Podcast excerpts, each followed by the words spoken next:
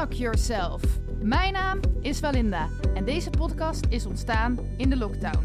In deze podcast interview ik inspirerende mensen over hun levenslessen en wijsheden.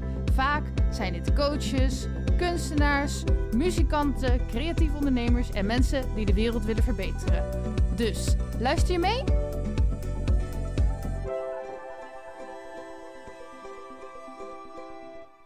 Ja, we hebben een nieuwe gast in de podcast. Wie ben je? Uh, ik ben uh, Jelle Wils. En ik was eerlijk gezegd wel verbaasd dat ik uh, gevraagd werd. Maar ik vind het wel leuk, want ik wou al een tijdje iets op Spotify hebben staan van mezelf, tussen aanhalingstekens. En nou, dit is een goede aanzet dan.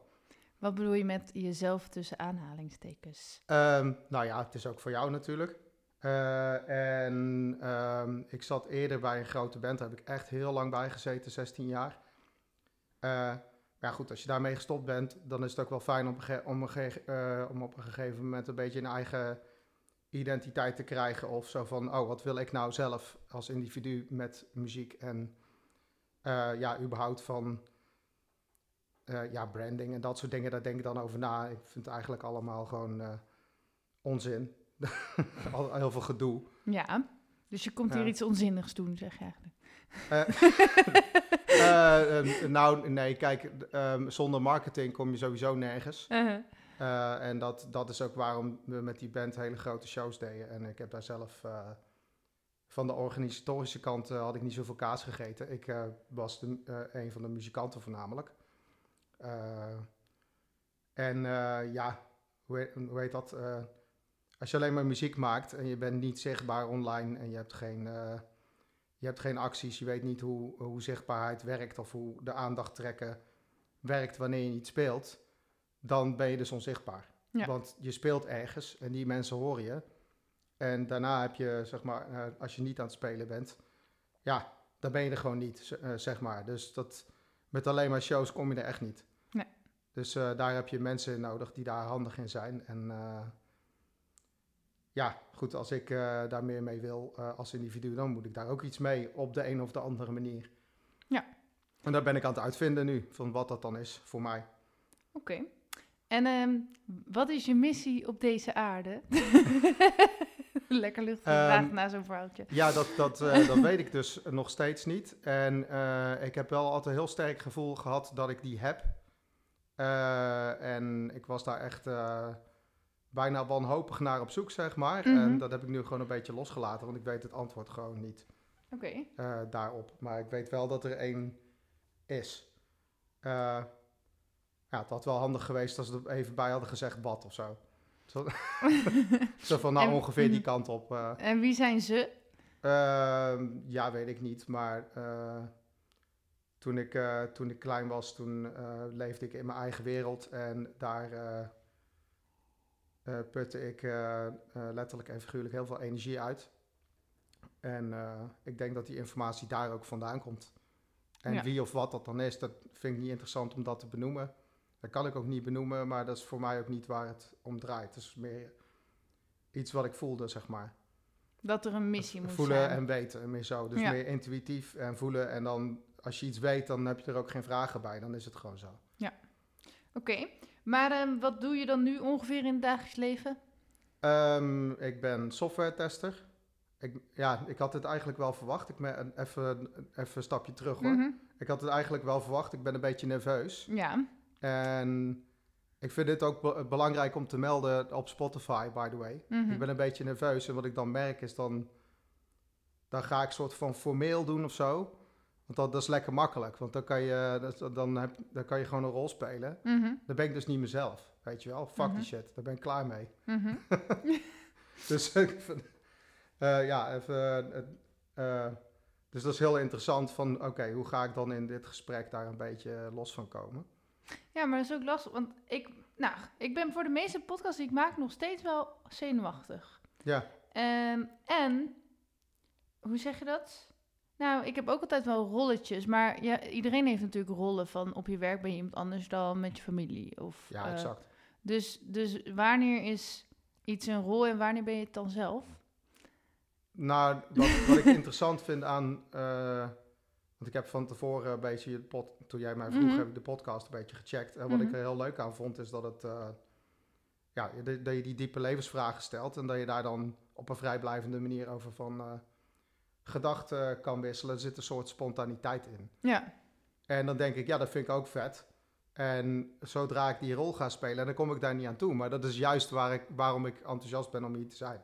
Dus dat is dan, eh, ja, dat zou jammer zijn als dat dan niet lukt of zo. Weet je wel? Maar jij zegt, je Dus- speelt dus een... Dus als ik het eh, persoonlijk word, moet je het zeggen. Maar je zegt dat je een formele rol nu speelt. En welke rol had je dan graag willen spelen? Nou, gewoon, eh, ja, wel- welke rol had ik dan graag willen spelen? Nou ja, gewoon, eh, eh, ja, weet je, ik denk dat ijs gewoon even moet breken. En dan ben ik gelijk weer heel streng voor mezelf en zo. Dus Ja. Ik denk dat ik ook heel vaak een formele rol speel. uiteindelijk kom ik wel, uiteindelijk kom ik wel los, Ja, denk ik. Maar, Unlock yourself. Nee, maar om, om je vraag even te beantwoorden, wat doe ik in het dagelijks leven? Nou, ik ben vader van twee kleine kindjes, dus dat is best wel intensief, maar ook heel leuk. En eh, eh, nou ja, goed, we hebben net eh, al laten blijken dat ik ook heel serieus kan zijn. Maar met die twee is alles onderbroeken lol. Dus dat is eigenlijk onverwachte bijkomstigheid van ouderschap, wat voor mij heel goed is. Dat het niveau is gewoon de hele tijd extreem laag thuis. Dus dan, dan, dan zeg ik tegen Floris, mijn zoontje, zeg ik... hey, hey Floris, ja, poep. En dan, ja, dan is het huis te klein. Dus dat, dat, nou, dat is ideaal. Want dan stop ik ook weer met nadenken. En dan kan ik gewoon weer een beetje de mafketel uithangen. En dat, eh, dat, dat, eh, ja, dat bevalt me wel. Ja. En, die, en had je vroeger, eh, voordat je kinderen had, ook al een beetje die clownsrol? Ehm, ja, ik was eigenlijk als kind ook altijd al wel expressief op die manier. En ik heb altijd al iets gehad met flauwe humor en dat soort dingen. Vroeger was het André van Duin en dan later Monty Python. En eh, nou, ik vertelde net iets over Hans Theo, mannen van de radio. Eigenlijk ook vaak als dingen een beetje absurd zijn, dan, dan trekt het me aan Ja. omdat ik, want ik keek om, om me heen in de wereld en ik zag gewoon heel veel dingen die iedereen normaal vond. En ik vond die absurd. Maar dat is natuurlijk ideaal om daar ook grappen over te maken. En dat Mhm. doen die mensen die ik net heb opgenoemd, die doen dat allemaal, zeg maar. Al- allemaal op een andere manier. Maar Mhm. eh, Maar de wereld is toch ook absurd? Ehm, ja, ik vind van wel, maar dat is blijkbaar niet iedereen met me eens. Sommige mensen die lijken er wel lekker op te gaan op de conventies of de voorspelbaarheid of ja, eh, ja, ik weet niet. Eh, ik, het is ook moeilijk om dan eh, je in te leven in iemand, in iemand waarvoor dat werkt of zo. Dus dan wordt het ook weer heel snel oordelen. Dat vind ik dan tricky. Ehm, maar ja, goed, ja, ik vind het, eh, ik vind het absurd inderdaad. Want die, die eigen wereld waar ik in zat, die ruimt helemaal niet met, eh, met de maatschappij waar ik toen later mee te maken kreeg. Mhm. Eh, dus ja, dat is wel een, een dissonantie die ik vaak lastig vond. Daar- begin ik nu wat beter mijn weg in te vinden. Ja. En, dat hoe- komt nu wat Mhm. dichter bij elkaar ook, eindelijk. Dus dat, daar heb ik ook heel hard aan gewerkt, dus dat mag ik wel. Ja. Oké, en wat bedoel je daarmee? Komt dichter bij elkaar? Ehm, ja, door mijn, eh, door mijn autisme eh, heb ik altijd een beetje het gevoel gehad dat ik tussen mij en andere mensen in een soort van glazen wand had, waar ik niet doorheen kon. En ik heb daar jarenlang op lopen rammen en weet ik veel wat. Want ik heb heel veel doorzettingsvermogen en ik kwam er gewoon met geen mogelijkheid doorheen. En dan sta je daar met je grote hart en met je empathie en je kan het niet aan iemand anders geven. En dat is heel eenzaam. En, eh, maar ook als je weet wat je te bieden hebt en te geven hebt en hoe groot dat is, dan wil je dat ook delen, weet je wel. En ehm, ik ben eindelijk op een punt dat ik wat makkelijker, eh, ja, dat ik ook het tact heb om te weten van, oh, dit is een goed moment om, oh, iemand zit niet lekker in zijn vel en dit is een goed moment om even te luisteren. En nu is het een goed moment om even een flauw kutgeintje te maken, zodat iemand weer moet lachen. Dat, die, dat gaat ook over timing en zo. Mhm. En dan komt de boodschap ineens wel over. Dus nu, nu ik dat eh, ja, wel onder de knie heb, kan ik dat soort van inhalen of zo. Ja. En eh, ja, er zat laatst een, even een voorbeeld, zat Mhm. laatst een meisje in de, trein, of, eh, in de bus en die zat eh, huilend aan de telefoon. En iedereen die zit in die bus voor zich uit te staren, toch? Mhm. Maar die zitten er toch ook naast. Dat vind ik heel raar. Ik heb dat altijd al raar gevonden. Ja. En vroeger wist ik nooit hoe ik dat moest doen. En dan zou ik, gaan vragen wat is er aan de hand of weet ik veel wat. Maar nu snap ik, oh, dat is ongemakkelijk, want ik ken haar niet, toch? Mhm. Dus ik was ge- gewoon aan het wachten tot ze klaar was met bellen. En eh, toen, toen zei ik, hey, eh, gaat het alweer een beetje? Want het, zeg maar, het gaat helemaal niet om de inhoud. Nee, Het gaat om de empathie. ja. Dus ik vroeg van, hey, gaat het alweer een beetje? En toen, eh, en, toen zei ze, ja, dankjewel. Maar dat voelt een stuk beter ja dan, dat ik de ehm, zoveelste ben ja. die dat aanziet. Zo van, ik kan toch iets doen nu, weet je wel? Ja, en ook als je vraagt van Eh, wat is er, is het gelijk weer zo ehm, Ja, aanvallend van wat gaat jou dat nou aan? Ja, maar het zijn ook helemaal niet mijn zaken Nee. eigenlijk. Maar daar gaat het me ook niet om. Waar het mij om gaat is laten zien van... hé, hey, eh, eh, ik zie dat het zeer doet. En Ja. dat, dat is niet tof. Nee. Weet je wel? En, en ik, ben, ik, ik ken je niet, maar dan kan ik wel gewoon er even voor je zijn of zo. Ja. En dat, ja, dat doet me dan heel veel goed. En dat vind ik nog steeds wel eng. Maar ik heb nu zoiets zo van... ja, ik heb dat zo lang niet gekund. En dan ligt er zo'n grote kans voor je neus. Ja, waarom zou je het niet doen? Mhm. Weet je wel, want eh, eh, ja, zij vond dat ook oprecht fijn. En dan Mhm. bleef het ook gewoon daarbij. En dat is oké, want dat hoeft ook allemaal niet helemaal ingewikkeld. Nee. Het is gewoon een, vriendelijk gebaar. Van, hé, hey, ik zie jou. Ja. Weet je wel. En eh, ja, dat doet me heel veel goed. En het begint ook op mijn werk nu beter uit de verf te komen in de formele situaties. eh. en dat is wel belangrijk, want om, om het weer even terug aan elkaar te knopen. Je vroeg, wat doe je in het dagelijks leven? Mhm. Ik ben software tester nu. En dat bevalt me eigenlijk heel goed. En ehm, dan moet je dus neutraal aangeven eh, wat er stuk is. Even heel bagatelliserend eh, verteld, maar goed. Maar ja, ik, ik moet dat dus niet uit de weg gaan, dat gesprek. Nee. Dus ik ben de hele dag bezig met aangeven wat er allemaal kapot is. Ja. Ik noem het altijd creatief slopen. Mhm. Dat klinkt cool. En, eh, dus ik verzin alle mogelijke manieren waarop het kapot kan. ja. En ik heb ook altijd al heel veel details gezien. Dus dat is voor dit werk ideaal. En het feit dat je dan ook dat je dat niet uit de weg gaat, maar eraan hebt gewerkt om dat neutraal te kunnen formuleren, zodat Mhm. het bij niemand in het verkeerde keelgat schiet. Mhm. En ook af en toe een geintje kan maken op het goede moment. Eh, ja, dan weten mensen ook van hij is oké. Hij is niet bezig met. Wat voor heel veel programmeurs is dat heel confronterend. Mhm. Ik hoor verhalen over dat er heel veel testers blijkbaar zijn. Die zijn super blij als ze iets vinden wat stuk is. Mhm. En dan denk ik, ja, maar op het moment dat ik iets vind wat niet stuk is, en ik heb, het, ik heb met man en macht geprobeerd om te slopen, en krijg het niet kapot, dan hebben we toch als team iets te vieren. Ja. Zo van, hé hey jongens, dit is niet stuk. Goed gedaan, weet je wel, respect. Dus dat, dat, dat vind ik juist veel leuker vaak.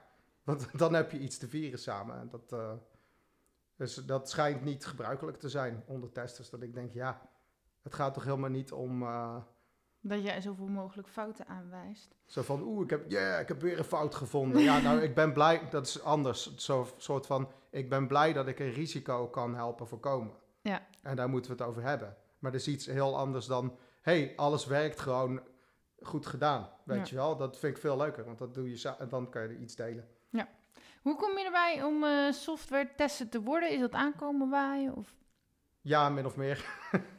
Ehm, ik heb lang voor een detacheerder gewerkt in de geo-informatiebranche. En ja, het is wel een mooi verhaal, maar het is een beetje een langer antwoord. Maar dat is oké voor deze podcast, toch? Ja hoor. We hebben alle tijd. ja, precies. Ehm, nee, de geo-informatie eh, eh, heb ik lang in gewerkt. En eh, die man die, die heb ik toen ontmoet in, in een hotel met zo'n intakegesprekje... waar je dan vaak ziet met een koffietje erbij en al die netwerkgesprekken en zo. Mhm. En we hadden elkaar vijf minuten gesproken. En ik zat dus echt in die rol. En, en hij zei tegen mij na die vijf minuten, zei hij, je hebt autisme of niet? Mhm. Ik zei, ja, ja, fuck, ja, je hebt gelijk. Maar dat was eigenlijk niet de bedoeling dat je het zag, man. We het werkt vaak tegen me. En eh, toen vertelde hij, ja, ik ben een eh, neurodiverse vrouw getrouwd. Want toen ik haar leerde kennen, dat was na een auto-ongeluk waar zij hersenschade bij heeft eh, opgelopen. Dus dan, zo van, is oké, daar kunnen we het gewoon over hebben, weet je wel. Want Mhm. ik ben er bekend mee. Ja. Dus dat was voor mij echt een openbaring. En toen heb ik lang voor hem gewerkt. En toen op een gegeven moment hielden die opdrachten eh, op. Want er, was, er is heel veel tijdelijk werk in die branche. En die onrust daarvan vond ik ook niet prettig. Eh, En toen eh, introduceerde hij mij aan de directeur van specialisten en waar ik nu werk, die een zoon heeft met autisme. En hij heeft dat bedrijf toen opgestart om die reden, zeg maar. Ja. Want hij zag iemand die op school niet functioneerde. Toen gingen ze op zeilvakantie. Toen had hij rust aan zijn kop. En toen haalde hij alleen maar tienen ineens. Ja. Zo van, huh? Dus het lag gewoon aan de omgeving. Het lag helemaal niet aan hem, toch? Mhm. Dus eh, eh, die heeft gedacht van, ja, wacht even. Als ik, nou, als ik nou al die autisten aanneem... dan heb ik gewoon effectief de beste testers van Nederland. Ja. Want die gasten zijn geboren met oog voor detail. En die kunnen er hun mond niet over houden Mhm. zeg maar. Dus dat, Ja. dat zijn de beste testers die ik kan krijgen. Ga daar maar mee concurreren. Want ik bedoel, ja, leuk. Maar ik, ben eh, meteen al verder dan een ander daarin. Ja. Eh, natuurlijk moet je dan ook leren hoe het vak eh, werkt en zo. Maar het is gewoon een soort van... het is, hoe zeg je dat? Het is een handig talent om mee te starten en de rest is gewoon hard werken. Ja. En dat geldt voor alles. Mhm. En waarom had je, ja, je zegt al omdat het vaak tegen je gebruikt is, maar je had dus echt het gevoel dat je autisme moest verbergen. Absoluut. Ja. Ehm, maar vooral ook vanwege de stigmatisering. Dus ehm, het zit in de media, het zit in de psychiatrie. Mensen zijn gewoon slecht geïnformeerd. Ja. En daar kunnen die mensen niks aan doen. Nee. Dan neem ik hun niet kwalijk, die tegenover mij zitten. Ja, soms wel natuurlijk. Maar eh, zij hebben ook niet gevraagd om foutieve informatie. Nee. Maar dat is wel de informatie die ze hebben. Ja. Dus eh, op het moment dat ik het meld, dan moet ik het ook weer gaan ontkrachten. Ja. En ik heb daar manieren voor gev- gevonden om dat voor elkaar te krijgen. En best case scenario zijn mensen super geïnteresseerd en willen ze er alles van weten. Mhm. Maar daar is nooit tijd voor ingeroosterd. Dus dan gaan mensen geïnteresseerd vragen eh, stellen over eh, voor een kwartier van, goh, hoe is dat dan? En dan moet ik het bijna weer gaan afkappen, want ik kijk naar de tijd. Ik denk, ja, chips, maar ik kwam hier eigenlijk ook gewoon om die baan te krijgen. Mhm. Dus dat, dat is ook super raar, want dan moet je ervan, oh, dankjewel, want ik ben super dankbaar. En dan moet ik weer dat gaan afkappen. Dat is heel raar. Ja. Dus dat, eh, eh, nou ja, dat was dus daar allemaal geen issue. Want het was gewoon van, nou, eh, ik heb dit. En, en dan zeggen ze, nou mooi, dat betekent dat jij een goede tester bent. Dus Ja. Nou ja, dus ik herken dat dus wel. ehm, nou ja, dus ik heb sinds kort, eigenlijk nog maar een aantal jaar, hebben ze me ook de diagnose autisme gegeven. Mhm. Maar daarvoor had ik al ADD en zo. Ehm, maar ja, inderdaad, op sollicitatie wil je natuurlijk wel.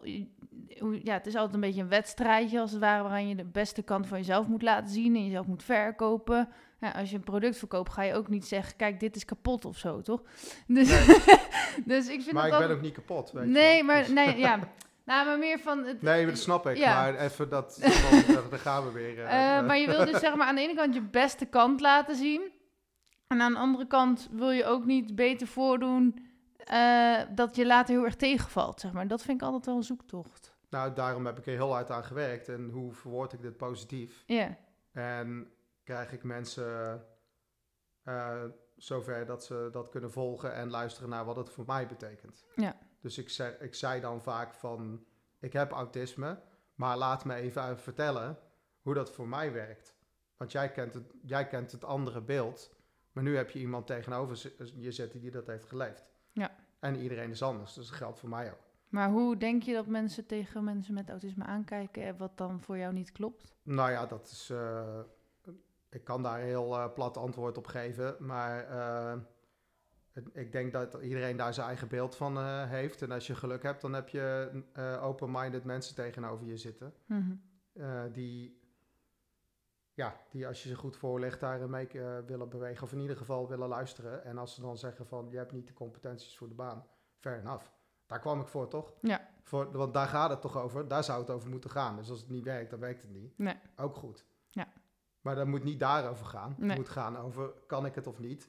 En pas ik in het team of niet. En is dat eerlijk beoordeeld? En dat laatste gaat heel vaak mis Ja. in sollicitatieprocedures. Omdat, eh, omdat er weinig context wordt gegeven of er worden van die hele vage vragen gesteld.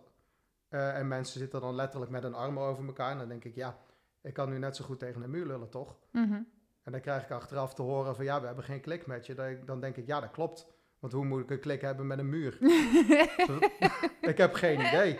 Zo van, als je nou iets prijs gaf van je persoonlijkheid, dan wist ik wie ik tegenover me had. En dan, eh, En dat verschilt dus ook per type organisatie. Dus dat is wel interessant.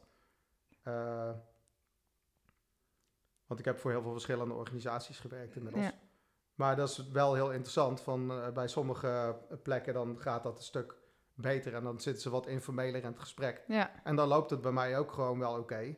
Want dan kan ik gewoon een beetje, eh, nou, wat ik al zei, af en toe een geintje maken. En eh, dan is er een soort van gezellige interactie. ja. Ik moet ergens even aan denken, als je het niet erg vindt. Dan krijg je wel een beetje mijn verhaal.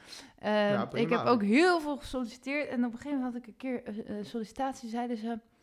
ehm, stel, je zou deze kamer binnenlopen... en er zit hier een, een groep met mensen. Waar zou je dan gaan zitten? Dus ik dacht, wat is dat nou weer voor vraag? Ja, behoorlijk vaag. Dus ja. ik, het eerste wat in me opkwam was... Nou, gewoon hier op de hoek, dan kan ik snel wegrennen. Dat is dat wel was- eerlijk. Ja, maar dat was niet helemaal het goede antwoord. maar ik dacht echt, ja, wat willen ze nou met die vraag? En toen was het van, eh, ja, je had eigenlijk moeten vragen wie er zouden zitten, wat voor soort mensen. En dan vanuit daar had je dan kunnen zeggen naast wie je wilde zitten. En toen dacht ik, ja, maar ik zou naast iedereen gaan zitten. Zeg maar, ik, ik veroordeel niemand op wie ik als eerste zie. Dus ik ga gewoon zitten op waar de plek is. En Ja. dan zie ik wel wie er naast me zitten. Dus ze willen een bepaald antwoord horen. Stel een vage vraag. Ja, Die niet specifiek gaat over welk antwoord ze willen horen. Nee. Of met andere woorden, oh, je kan niet communiceren. Dat is waar ook. zeg maar, ja, dat is gewoon niet communiceren, toch? ja, Stel dan de vraag van als je zou weten welke personen daar zouden zitten en je zou kunnen kiezen. Zoiets. Dat, Ja. Dan moet je wel even in de vraag verwerken, toch? ja. Nou, dat hadden ze dus niet gedaan. En ik dacht, ja, mij maakt het niet uit naast wie ik zit. Nee. Ik kan naast iedereen zitten. Maar dat vind ik dus heel grappig, want dat zijn dus ook dingen die ik vaak in mijn werk adresseer. Zo van, ja maar wacht even, als we zo met elkaar communiceren, dan heeft de an- dan andere kant toch automatisch te weinig informatie. Ja, Dus dan ga je ervan uit dat een ander het voor je invult. Ja. En wat gebeurt er ook alweer als we dingen voor elkaar invullen? Oh ja, dan doen we aannames. En dan gaat het fout. Dan krijgen we ruis. En dan zijn mensen me dankbaar, omdat ik het vanuit mijn autisme eigenlijk al zie van, dit gaat fout. ja. Dus dan trek ik al vast aan de bel. Jongens, hallo. Iets meer, eh, even iets meer duidelijkheid bij elkaar, dan eh, zijn we het voor. Oh ja, ja, eh, goed punt. Ja. ja, maar dat valt me inderdaad wel op dan... Nou ja, maar goed, iedereen geeft altijd de ander de schuld. Of tenminste vaak. nou ja, het is altijd twee richtingsverkeer, Ja, dus ja, je moet dan allebei... Ja. Goed, ehm, ik zit nog heel even, maar je bent een software tester, je vindt dat leuk. Je speelt saxofoon, vind je ook leuk, had je Ja. nog niet verteld. Dan ben je toch eigenlijk al je missie aan het leven? Ja, dat vind ik wat makkelijk gedacht, want het is iets anders eh, dan dat, zeg maar. Eh, het is heel abstract. Dus wat ik al zei, het is een gevoel. En eh, nou, ik ben het contact daarmee ook een beetje kwijt met dat gevoel, dus ik weet ook helemaal niet meer wat het nou was eigenlijk. Hm. Ik denk wel dat ouderschap er een, rol, eh, eh, een deel van is. Ja. Want wat ik zei van die, eh, dat grote hart en niet, niet weten wat je gewoon, zeg maar, een soort van ondraaglijke hoeveelheid liefde in je hebben dat je bijna uit elkaar knalt. Mhm. En dan niet weten waar dat toe dient. Ja. En dan krijg je voor het eerst je eigen babytje vast. En dan ineens, toen kwam het er allemaal uit. Zeg maar. Dat is de enige keer dat ik heb gemerkt dat het. Eh, Mocht stromen. oh, daar is het voor. Ja. Weet je wel? eh, zo van, daar is het voor bedoeld. Zeg maar. Dat was heel duidelijk. Dus dat was een hele. ja, dat vond ik. Voor mij was dat een spirituele ervaring. ja. Ook omdat ik voor het eerst me zo energetisch verbonden voelde met, eh, met een ander mens. Ja. Want er was geen grens meer tussen mij en mijn zoontje op dat moment. Die was helemaal weg. Energetisch waren we gewoon één organisme op dat moment. Dat is mooi. Dat En zeker als vader, want ik bedoel, ik denk dat een vrouw dat misschien meer heeft, omdat het ook nog in haar buik heeft gezeten, zeg maar. Ja, dat weet ik niet. Dat, eh, eh, nou ja, goed, dat noemen ze de onzichtbare navelstreng natuurlijk. Ja. En eh, ja, dat heb ik wel ook gezien. Maar ja, goed, ik weet ook niet in hoeverre mijn vrouw dat allemaal leuk vindt dat ik daar heel diep op inga. nee, oké. Maar als Nee, ik maar het respectvol uitdruk, Ja. als ik het respectvol uitdruk, dan wat ik heb gezien is dat je daardoor zo'n sterke band hebt met dat kind, dat, dat het soms eh, ten koste kan gaan van je zelfzorg. Ja. En eh, dat snap ik heel goed. Want, eh, en dat zijn de momenten dat je dan als vader kan ingrijpen. Van, oh wacht, ik heb een soort, ik heb dat niet, dat fenomeen. Uh, dus ik heb automatisch meer een soort objectiviteit van, oh, ik zie nu gewoon ik kan zien en beoordelen van een afstand dat dit niet werkt. Mhm. Want een babytje ging niet slapen en moeder was overstuur. Ja. Dus dan, eh, dan kun je als man ingrijpen. Ze wou hem, niet- hem niet loslaten. Ehm, want ze wou voor hem zorgen, dus dat is natuurlijk supergoed. Ja. Alleen ja, je moet ook een keer slapen als mama. Ja. Want na al die borstvoeding en al het gedoe s'nachts, wat eh, eh, eh, hij had meconium. Eh, Mhm. ik weet niet of je dat kent. Nee. Maar dat is, eh, dat is zeg maar een soort van ehm, eh, prenatale eh, poep. En die moet eruit, zo Mhm. snel mogelijk. We praten over poep, jongens. Ja? Ja. Praat geen poep. Maar dat moest eruit. En normaal gaat het allemaal wat soepeler. Alleen bij hem niet. Dat duurde, twee, dat duurde anderhalve week of zo. En dat doet dus ontzettend veel pijn. Ja. Dus hij was gewoon aan het krijsen van de, van de pijn Ja. de hele nacht. Dus we waren elkaar aan het afwisselen Mhm. daarmee. Mhm. En eh, ja, dan snap ik heel goed dat ze hem wil beschermen. Maar ja, als het niet meer gaat, dan gaat het niet meer. Het was gewoon op, weet ja. je wel. Ja. Dus dan, eh, ja, en dan, dan zeg je gewoon van, interesseer me niet wat jij wil. Jij gaat nu slapen. ik grijp in, je moet nu slapen. Ik moet nu voor jou zorgen. Ja. En voor hem. Ja. Zo van, ga nou gewoon petten, joh. Mhm. Dat, want dat maakt me niet uit of je het wel of niet wil. Dat, ja, dat, eh, dat hoort er dan ook bij. Ja. En eh, ja, wat dat betreft, eh, er is nu heel veel gaande over die man en die vrouwrol natuurlijk. Mhm. Maar ik merk dat dat in ons huishouden wel, wat dat betreft, wat, wat conservatief zit soms. Ja. Niet, niet op het banale af of zo. maar gewoon dat soort dingen. Zo van, ik snap wel waar het vandaan komt nu, biologisch gezien. Weet Ja. je wel? Als je, als je echt een man of een vrouw bent Mhm. En je identificeert je zo qua gender, dan is dat blijkbaar een logische biologische dynamiek. En dat heeft daar allemaal mee te maken. Dus dat vind je niet... Dat ehm, creëert dat- een soort van Mhm. biologische objectiviteit aan mijn kant. Ja. Zo van, hé, hey, wa- wacht even, dat is eigenlijk wel handig, weet je wel? Mhm. Een beetje zo. Ja. Ja, veel meer moet je er ook niet van maken. Ik bedoel, ik ken ook iemand die eh, helemaal omgebouwd is. Ja. Die dat ook gewoon lachen vindt dat ik het zo noem en zo. Dus eh,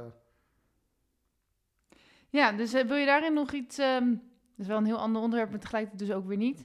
eh, iets zeggen over die of man-vrouw rollen en de gender dingen die nu spelen? Is daar... nou, wat, wat ik heel interessant vind, want Mhm. ik, eh, ik, heb lang, ik ben lang ziek thuis geweest en toen had ik heel veel tijd om na te denken. En voor- ook omdat ik kinderen kreeg, had ik heel veel tijd om na te denken van oké, ik heb heel lang naar, naar de pijpen van die maatschappij gedanst om de huur te betalen en om te presteren en al die onzin. Mhm. ja, het is natuurlijk wel belangrijk om te presteren, maar het ging een beetje te veel op de manier zoals anderen wouden. En dan verlies je jezelf. Ja. Dat is niet handig. Nee. Eh, dat dat, dat corrumpeert je kompas, zeg maar. Dus daar was ik over aan het nadenken.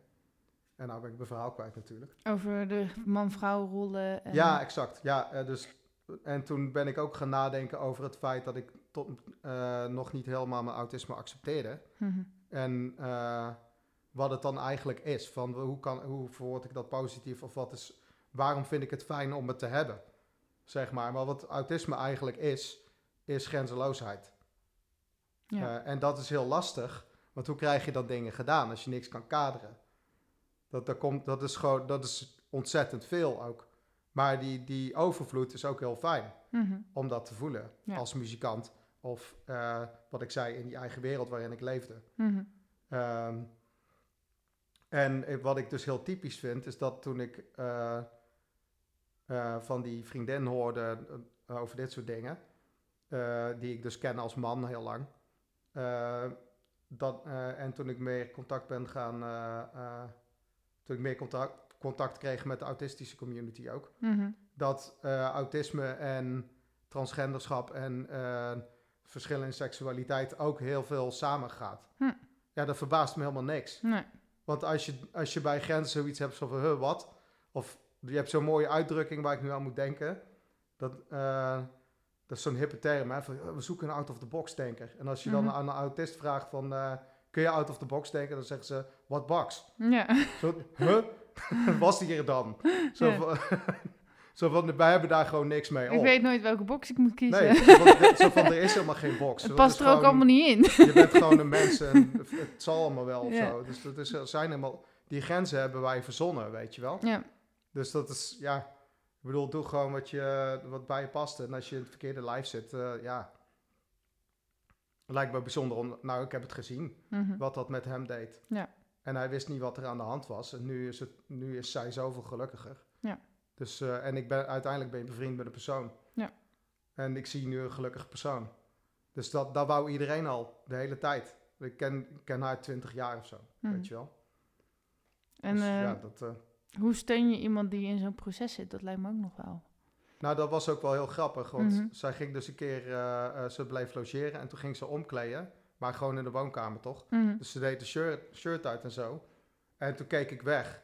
En toen zei ze, Jelle, wat doe je nou? We kennen elkaar toch al heel lang, wat doe je nou raar?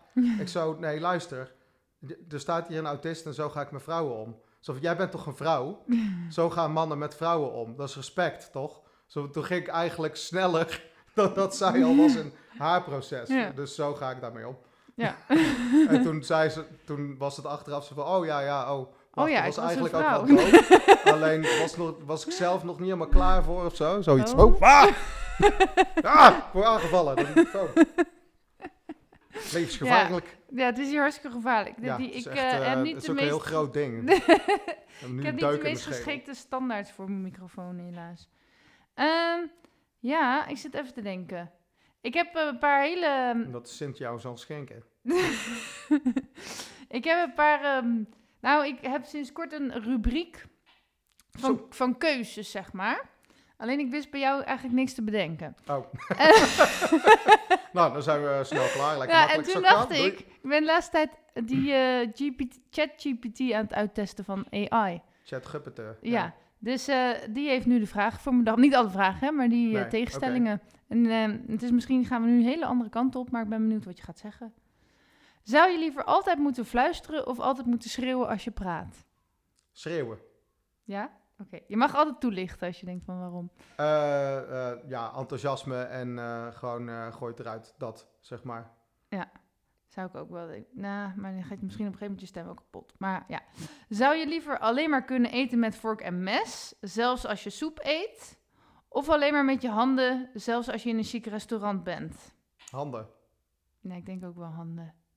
Maar in een chic restaurant is dat wel irritant. Ja, weet ik niet. Ligt eraan wat. Ja, die leflafjes lijkt me heel onhandig. Om ben je dat- bij de koningin op bezoek? Ja, nou ja, goed. Ik heb er niet zoveel mee op met eh, dat, eh, ja, dat soort conventionele dingen. Nee, ik eet ook... En die zal je dan hm. een beetje ongemakkelijk voelen. Ja, nou ja, goed, daar, overleef je wel, denk ik dan. Ja, Maar als je een keer spareribs eet of zo, dat... Gewoon, het is heel... eh, Het is heel hoe, hoe zeg je dat? Het is een soort oergevoel om met je handen te eten. Ja. Ik vind dat zelf heel fijn. ik ook. Heel fijn. Maar ik heb toen een keer gehoord dat het ook eh, een beetje een soort van mindful is. Dat je dan met je handen al een beetje voelt hoe het straks gaat voelen in je mond. Ja, nee, maar dat het Ja. echt psychisch gezond zou zijn. Nou, je kan alles mindful maken met een Ja. mooi verhaal. Of, of met inderdaad, eh, om niet al te flauw te doen. Mhm. Of inderdaad met je aandacht. Maar Ja, goed, het, Maar het is eigenlijk wel gek met eten, dat er ook zoveel gekke verschillende regels zijn. Sowieso ook per cultuur en per land. mhm. Maar ook van wat je wel en niet met je handen mag eten. En nou ja, dat soort rare dingen. Tenminste, zeg maar, sommige mensen vinden dat heel belangrijk. Maar wat. Ja, daar gaan we weer. Het is gewoon allemaal heel veel gedoe, toch? Ja, Doe, ja, doe gewoon wat je prettig vindt. En eh, nou ja, goed, niet in iedere situatie. Maar je stelt me voor het blok, dus dan handen. ik moet nu ook nog even denken. Mijn moeder luistert volgens mij al, allemaal podcast. Ja. Maar eh, ze had me een keer, het is al heel lang geleden hoor. Had ze me. Nee, er stond een schaal. Volgens mij was het wel met kerst of zo. Maar weet ik niet. Nee, het was gewoon een gewone avond. Er stond een schaal op tafel. En daar at niemand van. Dus toen dacht ik, ja, dan kan ik net zo goed uit de schaal eten. Toen was ze heel boos op me geworden. Want ik moest van een bord eten. Oh, ja. ja, nou ja, dat, eh, ja dat, dat klinkt heel bekend, dat soort situaties. Ja. Ja. Maar ja, zo belangrijk vind ik het dus niet. Eh, zou je Nee, liever... Eh, wacht even, wat staat hier nou? Dus, sommige vragen zijn heel gek hoor. Zou je liever dat elke foto van jou eruit zou zien als een ene gezicht... of alsof je je ogen dichtknijpt? Dit heeft AI bedacht, ik niet. Ja, eh, als een eende gezegd, want dan is grappig. nou, ogen dichtknijpen kan ook heel grappig zijn. Zou je liever dat willen dat al je drankjes ooit bruisend zijn, of dat ze smaken alsof er tandpasta in zit? Bruisend. Ja, zou ik ook kiezen. Logisch. Ja, ik vind het niet echt... eh, het zijn allemaal niet zulke hele... eh, ik heb niet echt het gevoel van... Oeh, ik zit nu in een eh, existentiële crisis of zo. Oké, die gaan we kijken dus- hoor. Zou je liever voor altijd ver- verplicht ergens naartoe hinkelen in plaats van lopen? Of kruipen? Hey, even heel flauw. Ja, bij die andere mensen had je wel allemaal vragen bedacht. je hebt nu als goed is dacht, ik ga- inspiratie, dus klap dat ding gewoon dicht. Want, nee, maar serieus, wat ik jou hoor vragen, dat zijn moeilijkere dingen. Dus dan denk ik, ja, nou wil ik ook gewoon... eh we komen Ik dacht, ik ga een keer doen, uittesten wat AI-vragen doen. Maar, maar, maar Ah, ja. dit is alleen met de tegenstelling. En straks krijg je gewoon weer mijn vragen. Oh, oké. Ja. Nou, dus, ja, wat jij wil. of mag het niet zo van jou? je wil Nou, een niet beetje eh, plagen moet kunnen, toch? overal hinkelend eh, naartoe of kruipend? Eh, hinkelend. Ja. Want, eh, eh, nou ja, goed, ik heb het een keer mijn been gebroken. Ja. En eh, als je hinkelt, kun je nog verrekte hoog en ver springen. Dan zou je nog van versteld staan. Ja. Want dan moest ik met krukken dingen doen. uh-huh. En ja, dan, dan kom je echt wel ergens, zeg maar. Terwijl kruipen, ja, dan, dat is een heel onpraktische verhouding. Ik zou het dus, maar dat staat er niet bij, overal in willen huppelen. Huppelen. Ja, maar ik snap niet. Yay! Ja, maar het is toch raar dat zo weinig mensen huppelen. Zeg maar als kind, nou, dan zijn wel vooral meisjes die huppelen, maar dan huppelen we nog. Ja. En opeens is het heel raar om te huppelen. Hoezo? Dat snap ik niet. ja, nou ja, je bent volwassen, dus godverdomme te gedragen. Zo van, ja, maar hoezo heeft daar iemand last van? Ja. Dat, eh, ja, e- exact. Ja, dat nou ja, maar ik denk dat ik mag best huppelen, maar Ik zit altijd op de schommel en dan denken ze van, was dat raar, voor rare kinderlokken volgens mij? Dan kijken ze me ook aan. En nu ja, maar nu heb je kinderen, dus nu dus nu kan reden. Ja, Tussen ja. aanhalingstekens, dan denk ik ja. Of ik vind het gewoon dope om te schommelen. Wat is nou het hele probleem? Ik ga dan met mijn hond naar de speeltuin en dan doe ik alsof mijn hond het heel leuk vindt. Ah ja, ja precies. Nee, maar, Maar, ik krijg nou ja. echt rare blikken. En dan denk ik van ja, ik verzin daar natuurlijk ook iets bij dan. Maar dat is niet, niet al die rare blikken heb ik zelf verzonnen, weet je wel. Mhm. Dat kan niet.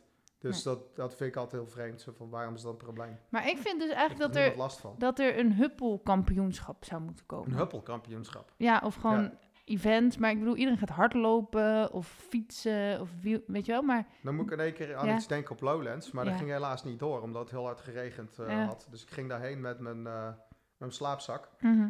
Eh, dat, dat heette hopsenflopsen. En Ja. dat was ochtendgymnastiek in je slaapzak.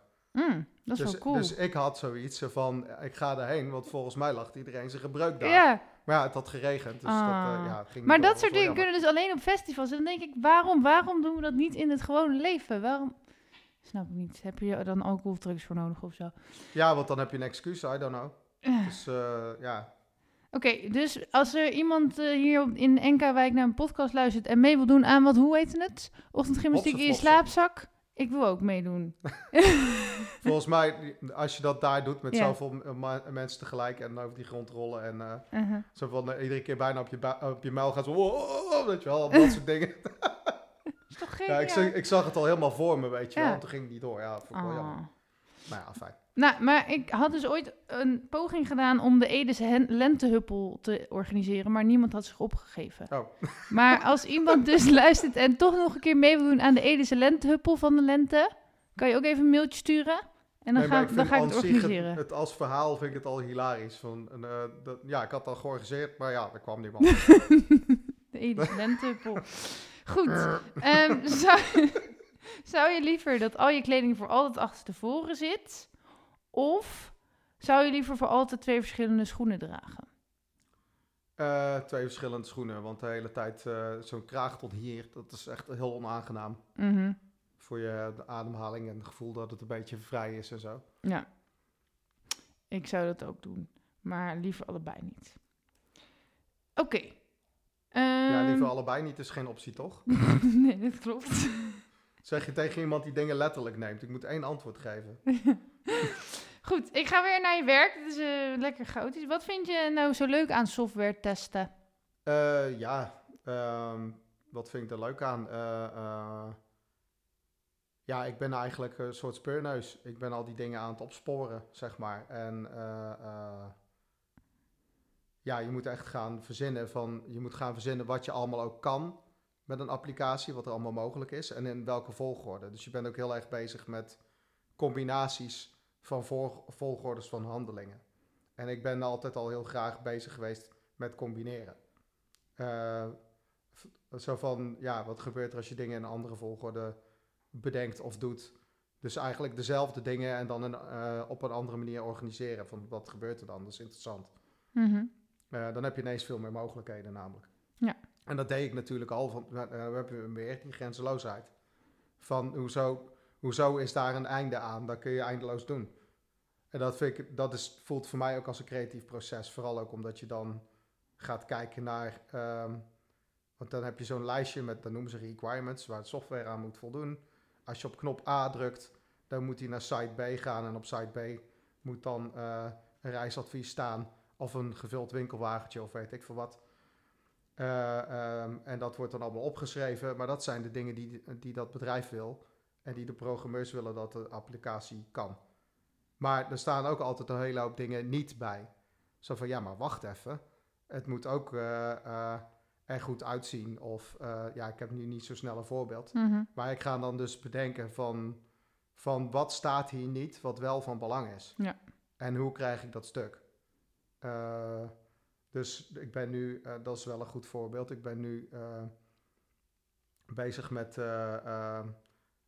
HTTP en eh, API requests. Mhm. Nou, dat is een heel ingewikkelde term voor eh, sites die met elkaar praten en informatie uitwisselen. En die communicatie is geautomatiseerd. Ja. Eh, maar als je dat plat gooit, dan, dan verwacht je wel een foutmelding. Dus op het moment dat dat lijstje daar staat van die knop moet die informatie weergeven. En ik heb er als, als criterium bij bedacht. Zo van ja, maar als ik die, als ik die communicatie plat gooi, dan moet er wel ook een foutmelding komen van, oh, oeps, er is iets misgegaan. De externe URL is offline, daar kunt u niks aan doen. Of, eh, ehm, of ja, je hebt, eh, je hebt eh, 388.000 en een half shirt ingevoerd en zoveel hebben we niet op voorraad, zoiets. Want dat soort dingen probeer ik dan ook. Zo van, oké, wat is de limiet van dat veld? Ja. Dus je bent echt heel erg ook bezig met de grenzen van wat iets kan. Dat vind ik ook leuk. Ja. Eh, ja, je bent eigenlijk aan het verkennen ook. Mhm. En dat, eh, ja goed. En, eh, en het Dat lijkt me eigenlijk ook mij. wel leuk als je inderdaad een site hebt dat je gewoon helemaal mag uittesten van hoeveel shirts kan ik bestellen en zo. Ja, gewoon van, nou, geloof hem maar, maar dan wel zo methodisch mogelijk, zeg Ja, maar. En schrijf dat allemaal op. En ja, wat nog meer. ja, ik, het, ik werk veel thuis, maar ik, ik zeg altijd, ik neem mijn huis niet meer... eh, ik neem mijn huis niet meer mee naar mijn werk, zeg ik altijd. Mhm. Nee, andersom. ik neem mijn werk niet meer mee naar huis. Mhm. Het zou wel zijn als ik mijn huis meenam naar mijn werk. Dat is wel een gedoe iedere ochtend. Moet je dat ding allemaal los, lostrekken van de fundering. Op je rug zo. dan, eh, dan krijg je ook helemaal niet, ik, ja, dan krijg je ook helemaal niet in de, in de trein. Dat past niet. Mhm. Maar eh, ehm, ja, voor- voorheen mocht ik dat dus niet zeggen. Maar ik zag het wel allemaal. Ja, Want ik zie altijd alles wat niet klopt. Of wat, waar ruimte is voor verbetering. Eh, en ik vind kwaliteit heel belangrijk. En dan eh, ben je al gauw eh, confronterend of mensen vinden je een zeurkous. ja En want stel je voor... Moet ik Mhm. alles melden? Ja, En daardoor, als ik dat ding uitzet, ik ben wel vaak moe, ja. maar dan, ik heb alles gemeld. Ja. Dus dan is het uit mijn systeem. Dus, Dus, dat jij mag eigenlijk de hele dag klagen en zeuren. Ja, dat is inderdaad een andere veelgemaakte grap. Van, eh, ik ben een professioneel zeikert die creatief sloopt. Dus, eh, maar ja, als je het goed doet, dan formuleer je dat neutraal. En probeer je ook mensen nog een beetje te vriend te houden. en Ja. Oké. Maar eh, straks na deze podcast krijg ik dus allemaal eh sloopfeedback of... eh, Ehm, nou, dat weet ik niet. Dus, ik test geen Spotify momenteel. Dus, Oké. Ehm, gaan we het Dat is hebben... trouwens niet waar, want ik Ja. ben met die API-requests dus bezig geweest met Spotify. Want die Ja. hebben al een eh, eh, code op een development eh, pagina gezet. Mhm. En toen heb ik dus een playlist gemaakt via code die ik terugzag op mijn telefoon. Maar ik had helemaal niet door dat die al gewerkt had. Dus toen had ik 85 keer hetzelfde nummer in die ene playlist staan. Zo van, oh, die deed het dus, maar ik snap nog niet hoe het bevestigen werkt. Oké, nou, Over muziek gesproken, ja, hoe lang speel je al saxofoon? eh, sinds mijn twaalfde. En hoe ging dat? Ik ben nu 40. Maar ik oefen niet iedere dag of zo eh, sinds die tijd. Anders Mhm. dan was ik technisch al wel verder dan ik nu sta. Maar Mhm. Hoe, hoe dat zo is gekomen. Ja, kreeg je dat opeens voor je verjaardag? Of, eh? Ik had muzikale vorming.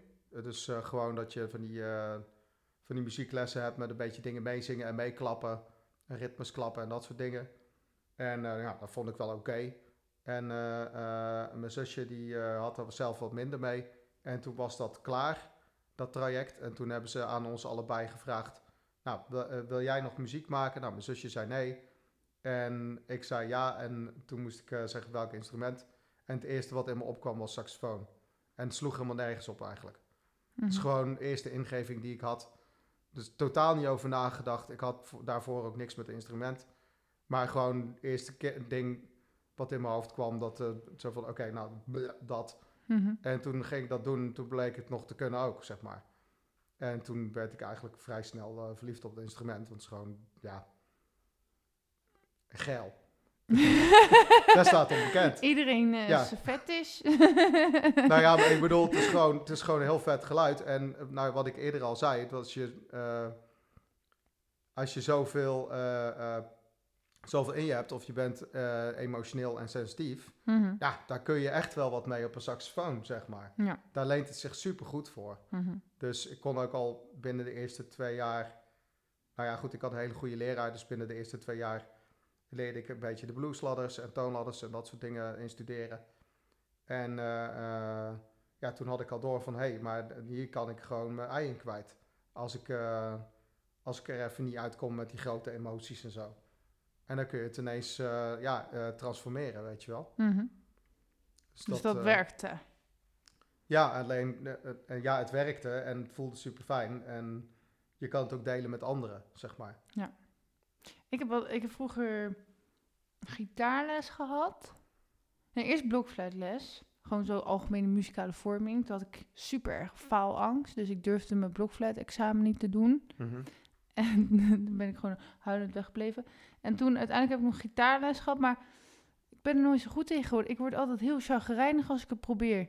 En dan wil ik die gitaar kapot maken. Ja, dat heb ik ook wel eens hoor. En dat zijn vaak de momenten die eh, heel vaak als de frustratie op zijn hoog, eh, op zijn hoogst is en je staat de hele tijd vloekend te oefenen, dan eh, al- alleen, al- alleen dat, dan heb ik het wel over periodes waarin je intensief oefent, zeg maar. Mhm. Als je dan vloekend staat te oefenen omdat het allemaal niet lukt, dan eh, een, een week of een paar dagen daarna, dan ben je ineens over die hobbel heen en dan kun je ja. het voor altijd of zo. Ja. Dat trucje wat je aan het trainen was.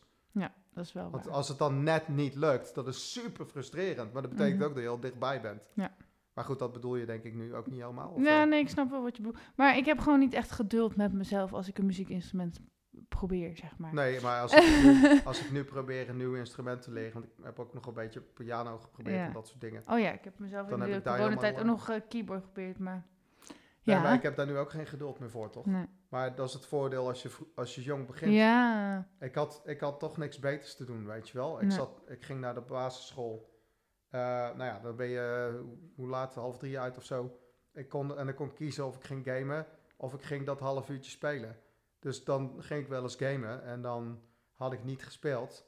En ik had een, eh, ja, dat was niet super streng, maar het was wel een, een, eh, ja, achteraf gezien bleek dat gewoon een vaderfiguur voor mij, die man. Maarten Stalpers. Eh, even reclame maken, want het is terecht. Mhm. En ehm, uit Berg op Zoom. En ja, die sprak, die sprak me dan streng toe van gast, wat ben je nou aan het doen, man? Je vindt het toch vet? Waarom oefen je nou niet? Dan denk ik, ja, hij heeft, hij heeft nog verdorie gelijk ook. Maar hij was ook wel streng, dus dan schrik je ook. Mhm. Ja, ik was 12 en dat is een volwassen kerel. oh ja, dat was ik vergeten. Ik heb ook nog dwarsfluitles gehad. Ja. Ga verder. Maar Ja, dat is een volwassen kerel die Ja. beter speelt dan jij. En die een terecht punt maakt. Die je gewoon eh, pakt op je bullshit, weet je wel. Ja. Zo van, ja, wat ben je nou aan het doen? Zo van, oh ja, wacht. Ja. En dan voelde het heel dom om dan een hele middag aan het gamen te zijn geweest. Zo van, het is maar een half uur, ik heb toch niks anders te doen.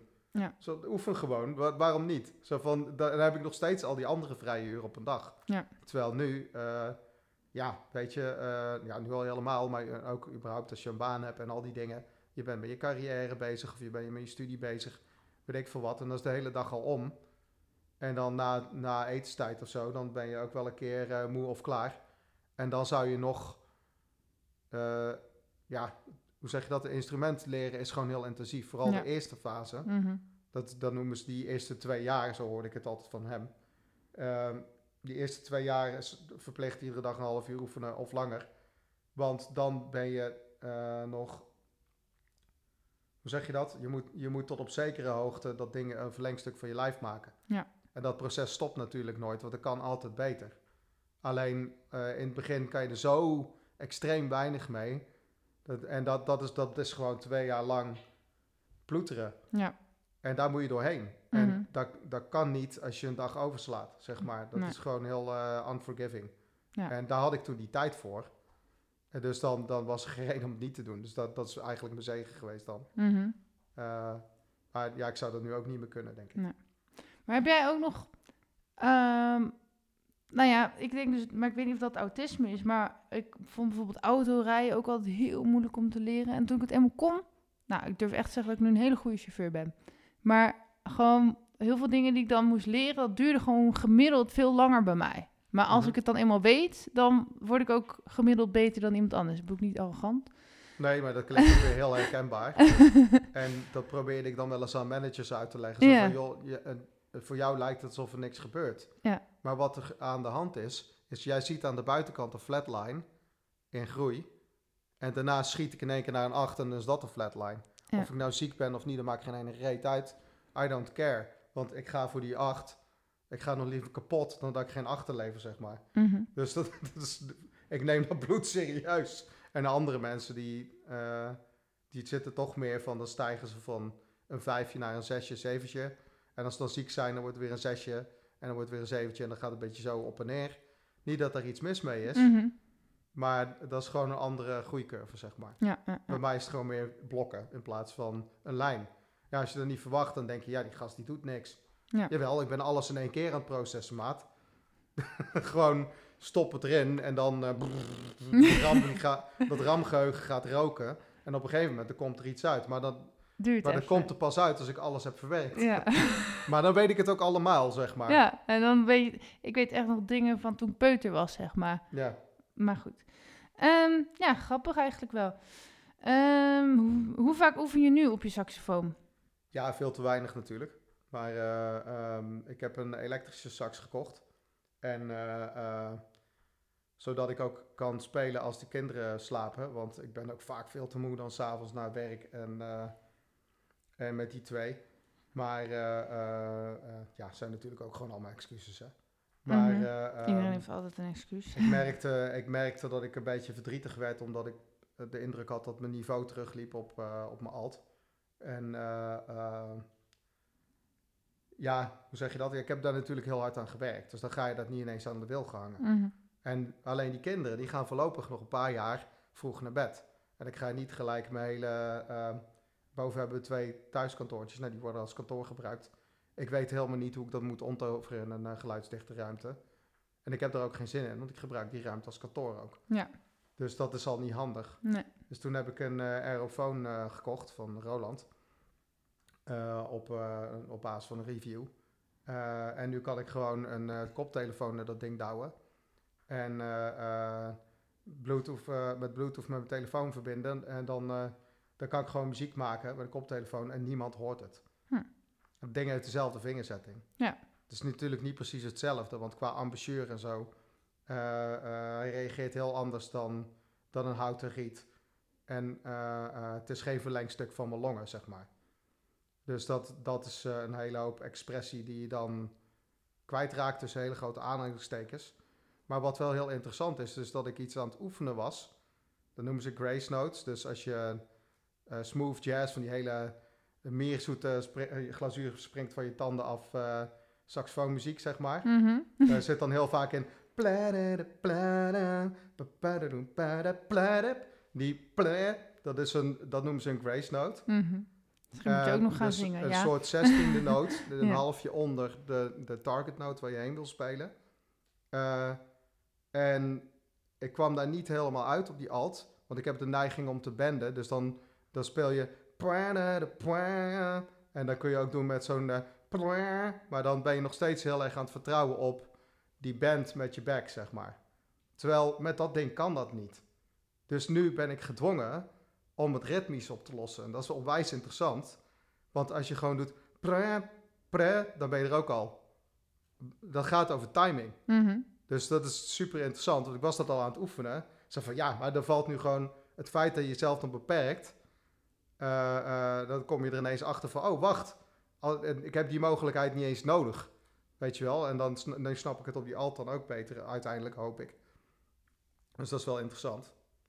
Je had trouwens nog een muziekstukje Ja, en meegenomen. daar, Moet daar ik zitten dat- ook dus die grace notes in. hey, ik voel het goed aan, hè? Ja, nou, ja, dit leek me inderdaad ook het goede moment, omdat, eh, want dat is, heb ik ook opgenomen met die Aerophone dus. Samen met, eh met Bankos Beats, even reclame maken, ehm, van, eh, eh, van Vice Versa. Oh ja. Die ook, eh, ehm, ja goed, ik, ik kwam bij hem thuis en toen liet hij wat dingen horen. Is dat die DJ die in Vinda woont? Of is dat iemand anders? Nee, hij woont in Ede. Dat is iemand anders. op echt gewoon acht minuten fietsen van mijn huis of zo. Mhm. dus, eh, en hij liet verschillende dingen horen en hij blijkt gewoon geniaal te zijn. hij, hij maakt gewoon meerdere genres en het klinkt allemaal super vet. En eh, ja, toen had hij dus ook een drum en bass nummer en ik vind drum en bass fucking vet. Dus toen zei ik zo van, oh oké, daar moeten we wat mee. Dus daar is dit uitgekomen. Ik hoop wel dat het een beetje overkomt, want dit komt van mijn telefoon af, maar oké. Vaak valt dat laag dan weg. We gaan, we gaan het zien.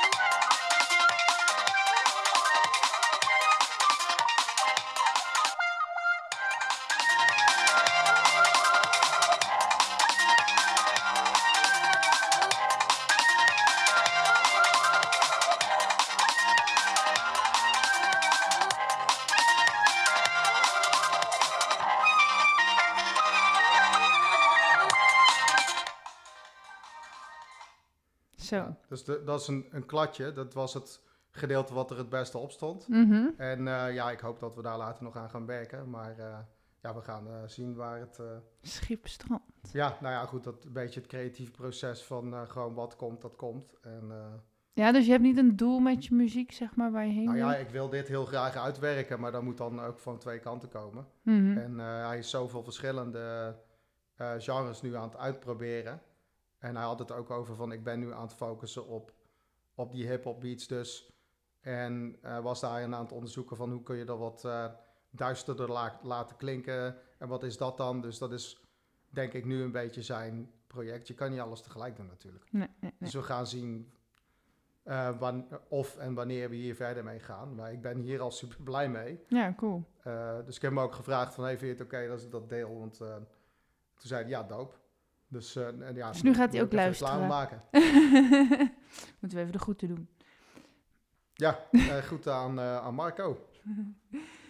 um, werk je met meer, nog met meer mensen samen in de muziek? Nou, op het moment is niet zo. Nee? Um, maar dat is, het, dat is het voordeel van mijn instrument, dat je dus eigenlijk heel vrij bent met een melodie-instrument. Want het kan altijd ergens bovenop. Dus ik ben een beetje op zoek naar dit soort dingen. Uh, van, van gewoon iemand die echt sax bijzoekt. Ja. Maar dan maakt het tegelijkertijd ook heel vaag van uh, wanneer je dan wel of niet op een opname staat. Ik heb dus een paar keer iets al gratis ook gedaan. En ook een studio-opname. En die is toen niet uitgebracht. Hmm. Terwijl die jongen dat wel van plan was. Ja. En nou ja, goed, daar hebben wij het toen ook een keer over gehad. Want je had mij ook benaderd. Mm -hmm. En toen zei ik, ja, dit was uh, eigenlijk niet... Uh, uh, dit is niet direct mijn stijl. Maar ik ga het nog even checken met mijn saxofoon. Ja. Maar dan lul ik gewoon uit mijn nek. dat, dat, is gewoon niet waar, weet je wel. Ik je moet hebt tegen gewoon, mij gelogen. Ja, dan heb ik gelogen. En waarom dat een probleem is, is omdat ik... Dat wil ik op een authentieke manier doen. Ja. Dus op het moment dat ik bezig ben met people pleasing... dan ben ik daar al niet meer, ja. zeg maar. En ik zag...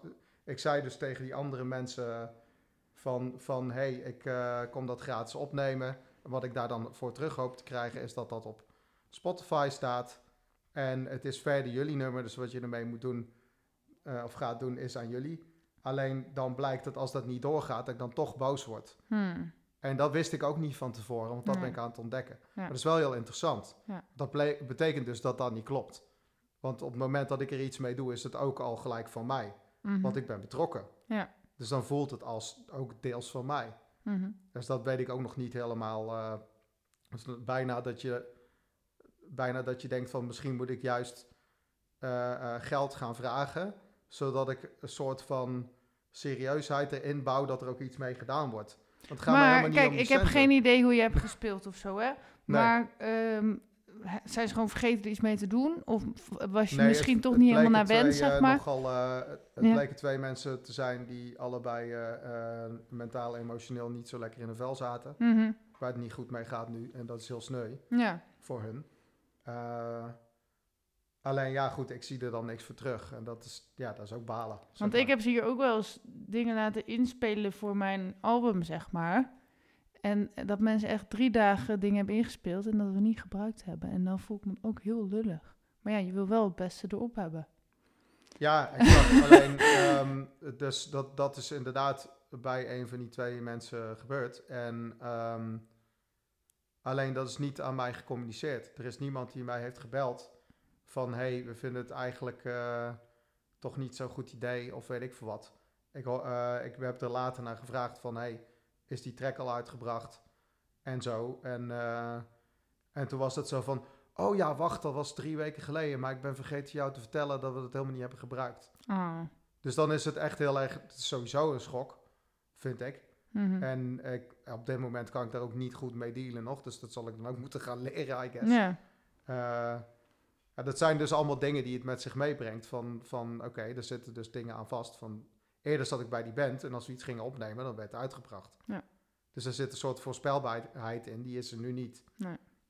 Dus dan moet je ook gaan kijken van oké, hoe werkt die samenwerking dan? Ik zit trouwens als je dat dan zo laat hoort, dan ik- denk je ja, dat had Mhm. dat even eerder gezegd, weet Ja. je wel. Nee, ik had een poos geleden ook eh, wat opgenomen eh, met mensen die muziek maakten. En eh, toen dacht ik, nou, dat komt wel online. En dat gebeurde maar niet, en dat gebeurde maar niet. Uiteindelijk dacht ik, oh, volgens mij vonden ze het gewoon niet zo goed of zo. Maar ja, dat weet ik niet. Maar dat is inderdaad wel vervelend als je het ook niet duidelijk krijgt waarom dan niet, inderdaad. Maar tegelijkertijd, ja, het is ook wel weer logisch dat mensen gewoon het beste geplaatst willen hebben. Ehm, hoe vaak heb jij optredens? Eh, nou ja, op het moment niet zoveel. Wel ook met vice versa dan eh, eh, in Venendaal gespeeld. Op, Ja, Misschien nog even vertellen voor mensen die vice versa niet kennen. Vice versa zijn bluesbroeder Noonty en de chef en Bankels Beats.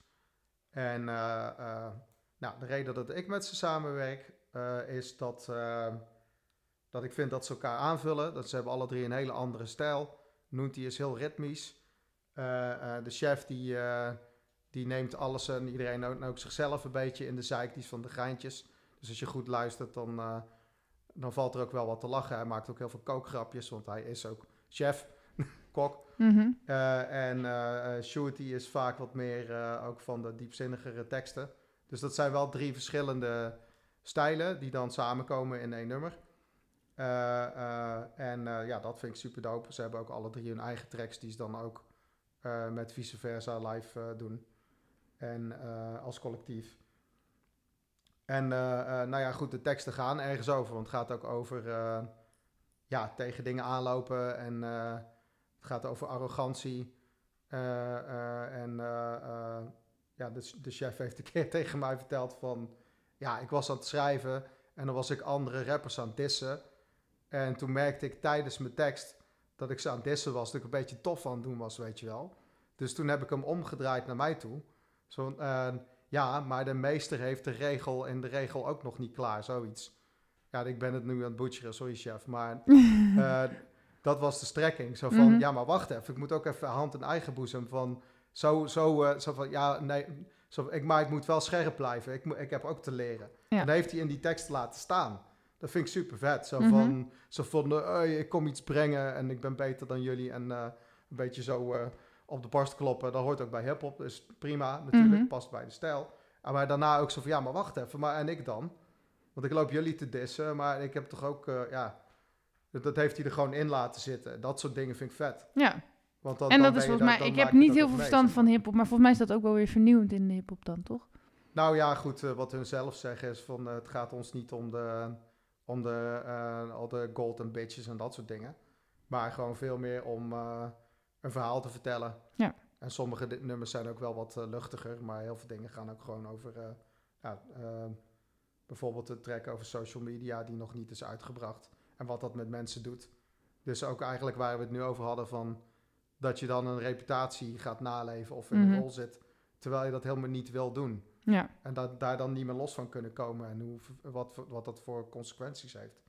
Ja, dat, ik heb wel eens dat ik dus eh, mensen heb ontmoet die mij dan alleen van de podcast kenden, bijvoorbeeld. En dat ik dan helemaal zenuwachtig werd van, oh jee, lijk ik dan wel op die persoon? Ja, ja, hoe zeg je ja dat? ook Ik- weer heel herkenbaar. Ja, maar meer van... ehm, en je denkt dan ook, ja, wat weten ze nou eigenlijk wel en niet van me en zo? Dat is heel raar of zo. Want je wil op een of andere manier je beeld wat je ermee hebt gecreëerd niet kapot maken. Maar tegelijk denk je, ja, maar wat heb ik eigenlijk voor beeld gecreëerd? Dat weet ik eigenlijk ook niet. Dus ja, zoiets. Snap je een beetje ja, wat ik bedoel? ja, absoluut. dat heb heel vaak dus met die ska-band. Want dan eh, deden we hele grote shows. En dan eh, kwamen mensen naar je toe van... Hey, het was echt super vet. En ik vind het sowieso lastig om complimentjes in ontvangst te nemen. Maar heel vaak als ik heb opgetreden... dan zit ik nog even in die, in die bubbel. Dan ben ik even ergens anders geweest of zo. Ja. En dan moet ik weer even terug, eh, terug landen, zeg maar. Dus ik ben dan ook nog helemaal niet klaar voor de buitenwereld of zo. Dus die combinatie was altijd heel tricky. En dan vooral ook als je dan denkt van dat mensen iets van je verwachten. Eh, ja, ik heb eigenlijk ook heel lang iets gedaan wat, wat niet echt bij me paste achteraf gezien. Mhm. dat, dat ik dus een rol aan het spelen was. ja. Omdat ik probeerde mezelf er een houding in te geven. Ja. En dat is ook iets wat ik... eh, ja, dat vind ik ook wel lastig aan artiest zijn. Van hoe, Mhm. hoe, presenteer je, hoe presenteer je jezelf dan op een podium? En dan heb ik eigenlijk weer een beetje hetzelfde. Dat ik het spannend vind om dan helemaal zonder een panzer of zonder een rol daar te staan. Ja, maar tegelijkertijd rollen horen daar toch ook wel weer een beetje bij, zeg maar. Dat je de ene keer meer zo komt en de andere keer meer... Weet je wel? Ja, ja, deels. Maar dat is dus ook iets wat we... Nou ja, goed, ik ben dus überhaupt bezig met identiteit en wie ben ik dan Ja. als muzikant? Mhm. Eh, wat is dat dan? En ja, verder eh, veel bij de jam sessies in Alstrand en zo. Mhm. En eh, dat wou ik nog wel aan jou vragen. Ja, trouwens. dat mag. Ehm, ja, ik, eh, ik zeg steeds, nou, ja, ik heb meegeholpen met het opzetten van die jam sessies. En dan probeer ik een beetje een, in een coachende rol te zitten en rond te lopen. En naar mensen te luisteren als ze een onzeker verhaal hebben. Dit niet goed, dat niet goed. En eh, eh, ja, hele specifieke complimenten te geven die ook kloppen, die ik heb gecheckt ook, toch? Mhm. Zodat je die onzekerheid een beetje weg kan nemen. Ja. En zo vertel ik het altijd, maar ik weet niet of jij ook hebt gehoord eh, Mhm. dat mensen dat ook zo ervaren, die daar komen. Poeh. Want dat is het beeld wat ik heb. En Mhm. eh, dat hoop ik te hebben gedaan. En dat vind ik heel belangrijk. Ja, Maar ik heb het nooit echt gecheckt of zo. nee. Het wordt ook heel ongemakkelijk, toch? Als je ineens gaat vragen van... Hey, ben je door mij minder Ben ik onzeker? eigenlijk wel goed op coachen nu?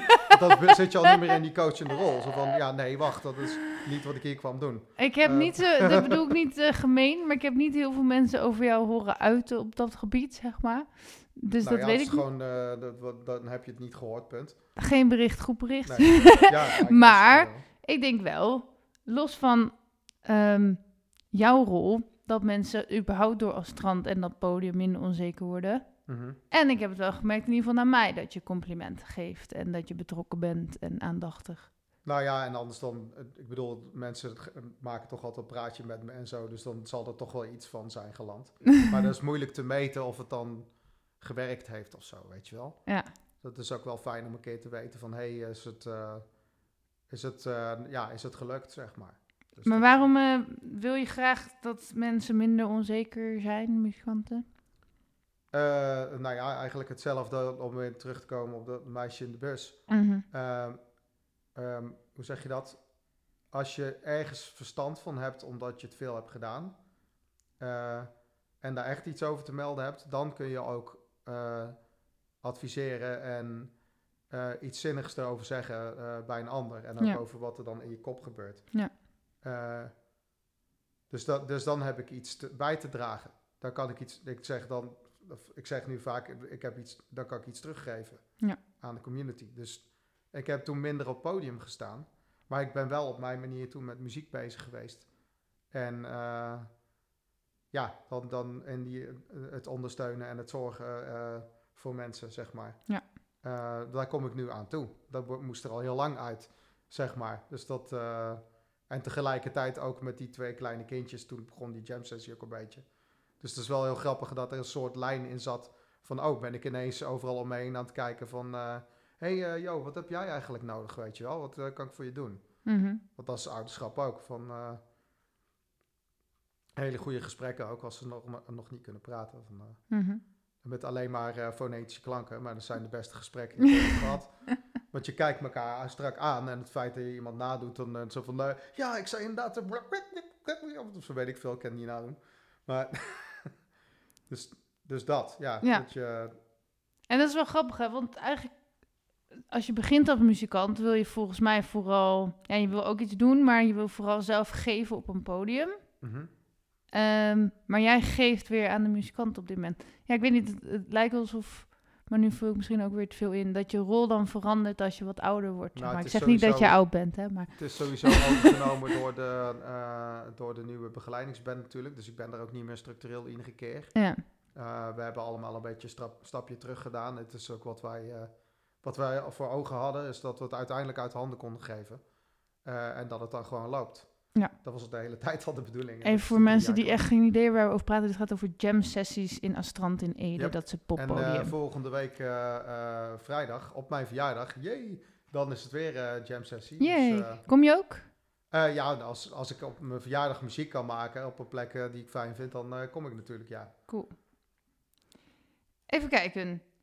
Maar je hebt dus niet grotere doelen nog met je muziek, behalve dat je, zeg maar, je hebt niet zo van, ik wil nog uh, de wereld rondtoeren, of ik zoek een band, of ik... Nou ja, goed, ik zoek wel, uh, um, uh, ja, hoe zeg je dat? Ik zoek projecten om creatieve ei kwijt te kunnen. Ja. En, maar ja, dat, om, dat met, die, met dat dingen niet gebruikt worden en zo, dat hoort ook gewoon erbij. Ja. Dus het feit dat ik daarmee bezig ben geweest, nu kom ik ineens Marco tegen, weet je wel. Mm -hmm. En we hebben een persoonlijke klik en we hebben een muzikale klik eigenlijk vrijwel meteen. Mm -hmm. Dus het is gewoon, zoveel, dus we zijn allebei super enthousiast. Ja. Dus dan, en dat is, dan kunnen er mooie dingen uitkomen. Mm -hmm. Dus als je dat niet gaat forceren, ja, die laat het gewoon gebeuren, weet je wel. Ja. Maar dat komt omdat ik bereid ben geweest om dat op te zoeken. Ja. Dus, en daar hoort ook bij dat het dan uh, ja, niet lukt. Mm -hmm. Dat proces, zeg maar. Dat is ook netwerken, weet je wel. Mm -hmm. Dus dat, uh, en ja, uh, het lijkt mij heel vet om uh, nog een keer op Liquidity te spelen in Amsterdam. Dat is een heel groot drum and bass festival, die ook heel veel liquid drum and bass draaien. Okay. Dus een beetje meer de, de funky, jazzy drum and bass, waar een saxofoon ook goed bij past. En wat moet je ervoor doen om daar te komen? Dat weet ik niet precies. Maar goed, uh, ik heb net een drum uh, uh, dingetje dus laten horen en opgenomen. En ja, ik was dus even aan het zoeken van, hey, en in Arnhem dan zitten daar geen drum producers. Want nu heb ik dit gemaakt. Nou heb ik de smaak te pakken, toch? Dus ehm, ik ga gewoon een van die, een van die tracks van die, van die jongen opzetten. Volgens mij kan ik die over die speaker van die aerofoon ook heen knallen tegelijk met het geluid van dat ding zelf. En dan iets instuderen en dat gewoon aan hem mailen. Van, uh, hey, ik vind dat je vette muziek maakt. Dit is wat ik ermee kan. Lijkt je dat leuk? Nee, is ook goed. Doei.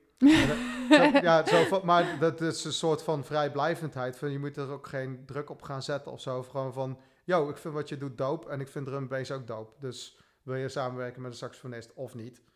Want dan heb ik weer iets online staan en dan, jee, leuk, drum bass nummer online. En dat is ook, dan, want dan wissel je diensten uit, zeg ja, maar. Ja. Dus daar hoef ik dan niet voor betaald te krijgen, want mm -hmm. uh, je wordt er toch niet zo snel rijk van allemaal. Ja, en, niet als je tegen iedereen roept dat je er geen bet niet voor betaald wil krijgen. Dan uh, word je er niet rijk van. Nee, maar ik heb het niet nodig, want ik heb gewoon uh, een, een, salaris. Dus, ja, ja, ja. En, dan, ja, als je dan diensten kunt uitwisselen, dat is ook een vorm van betaling. Ja, zeker. Oké, okay, dus dat is je grootste droom. Nou, qua, muzie eh, qua Ja. muziek momenteel wel, eh, Ja. ja. En eh, ja, bij een band spelen of dat soort dingen, dat vind ik even lastig, omdat ik vaak niet de energie heb om te oefenen s'avonds. Eh door de kleine kinderen en, en ook dat ik nog lerende ben als tester. Ik doe dat nu twee jaar. Mhm. Dus dan, ja, dan ben je ook gewoon wel eens een keer back af. Ja. En als je niet kan, ja, als je niet kan garanderen dat je structureel je huiswerk doet, dat vind ik tricky. Mhm. Zeg maar, terwijl met hier en daar een projectje, dan is het gewoon even wat intensiever. Nou, dan studeer je dat in. En eh, dat neem je dan op, vooral als het voor één track is of zo, Ja, weet je wel. ja. Of voor een paar tracks met vice versa. Mhm. Ehm, even kijken. En je zegt dat voor muziek wel. Heb je nog andere dromen? Andere dromen. Ik wil nog heel graag een keer naar Brazilië. En dat is ook een van die dingen die ik altijd heb geweten dat ik daarheen moet.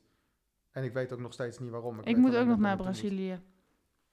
Het lijkt me, het lijkt me gewoon heel dope. En dan gaat het instrument natuurlijk wel mee. Dat snap je ook. Want dan eh, als de eerste beste band die ik langs zie lopen, dan is er van... eh, oh, oké. Oba, oba, oba. Oh, oh, oh, oh. Zo van, oh, daar kan ik ook wel mee. la, la, la. Ja, ik ga mee. ja. Maskenada. maar ik wil ook nog naar eh, Zuid-Afrika. Zuid-Afrika. Ik weet niet waarom, moet ik heen. Ja, oké.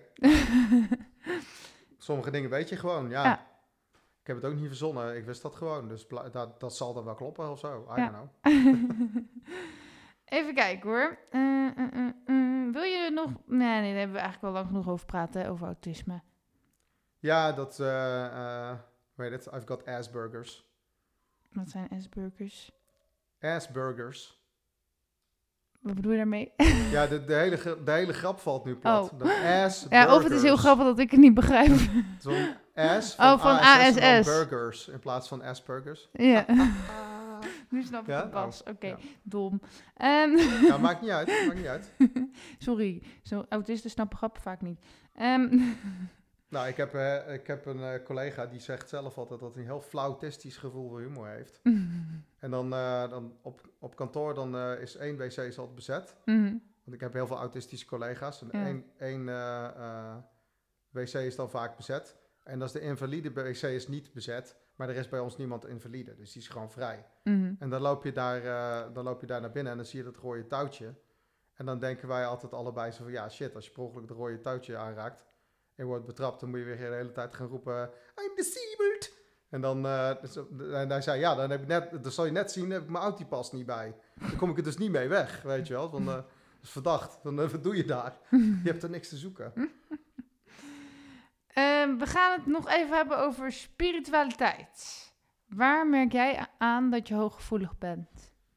Eh, ehm, ja, vooral eh, energie van bomen en zo. Met name als kind eh, voelde ik dat sterk. En nu af en toe weer sinds mijn Reiki-inwijding. Lang heel ziek geweest door mijn, door mijn huid. Ik heb chronisch eczeem. En ja, dat liep helemaal uit de hand. Ik had helemaal geen goede medicatie daarvoor. En dat konden ze ook niet vinden. Eh, inmiddels gelukkig wel. Dus mijn kwaliteit van leven is veel hoger nu. Maar ik liep dus een keer eh, in Zeist door een park. En toen werd ik terug, eh, soort van teruggetrokken door een boom. Ik voelde een soort van, nou ja, dat iets aan me terug trok, zeg maar. En toen ging ik onder die boom staan en toen werd ik vanuit mijn voeten helemaal warm. Want die was er van gast. Je hebt gewoon een hele zware week gehad. En nu ben je aan het wandelen en even aan het ontspannen. Dus je bent nu ontvankelijk en niet meer gestrest. Want anders dan kunnen ze ook niks voor je betekenen als je helemaal op slot zit. Eh, dus, dus ik kon het, eh, ik kon het eh, cadeautje aannemen. En die boom had zoiets van, dude, waar de fuck loop je voorbij? Ik heb iets voor je, terugkomen nou. Dus toen werd er voor me gezorgd. Cool. En eh, dat schijnen ze dus onderling ook te doen. Want ik vind het wel heel interessant om dan ook te checken van, oké, wat ik voel van, kun je dat ook rijmen met eh, wat een boom is, zeg Ja. maar. Onderling leven ze in groepen.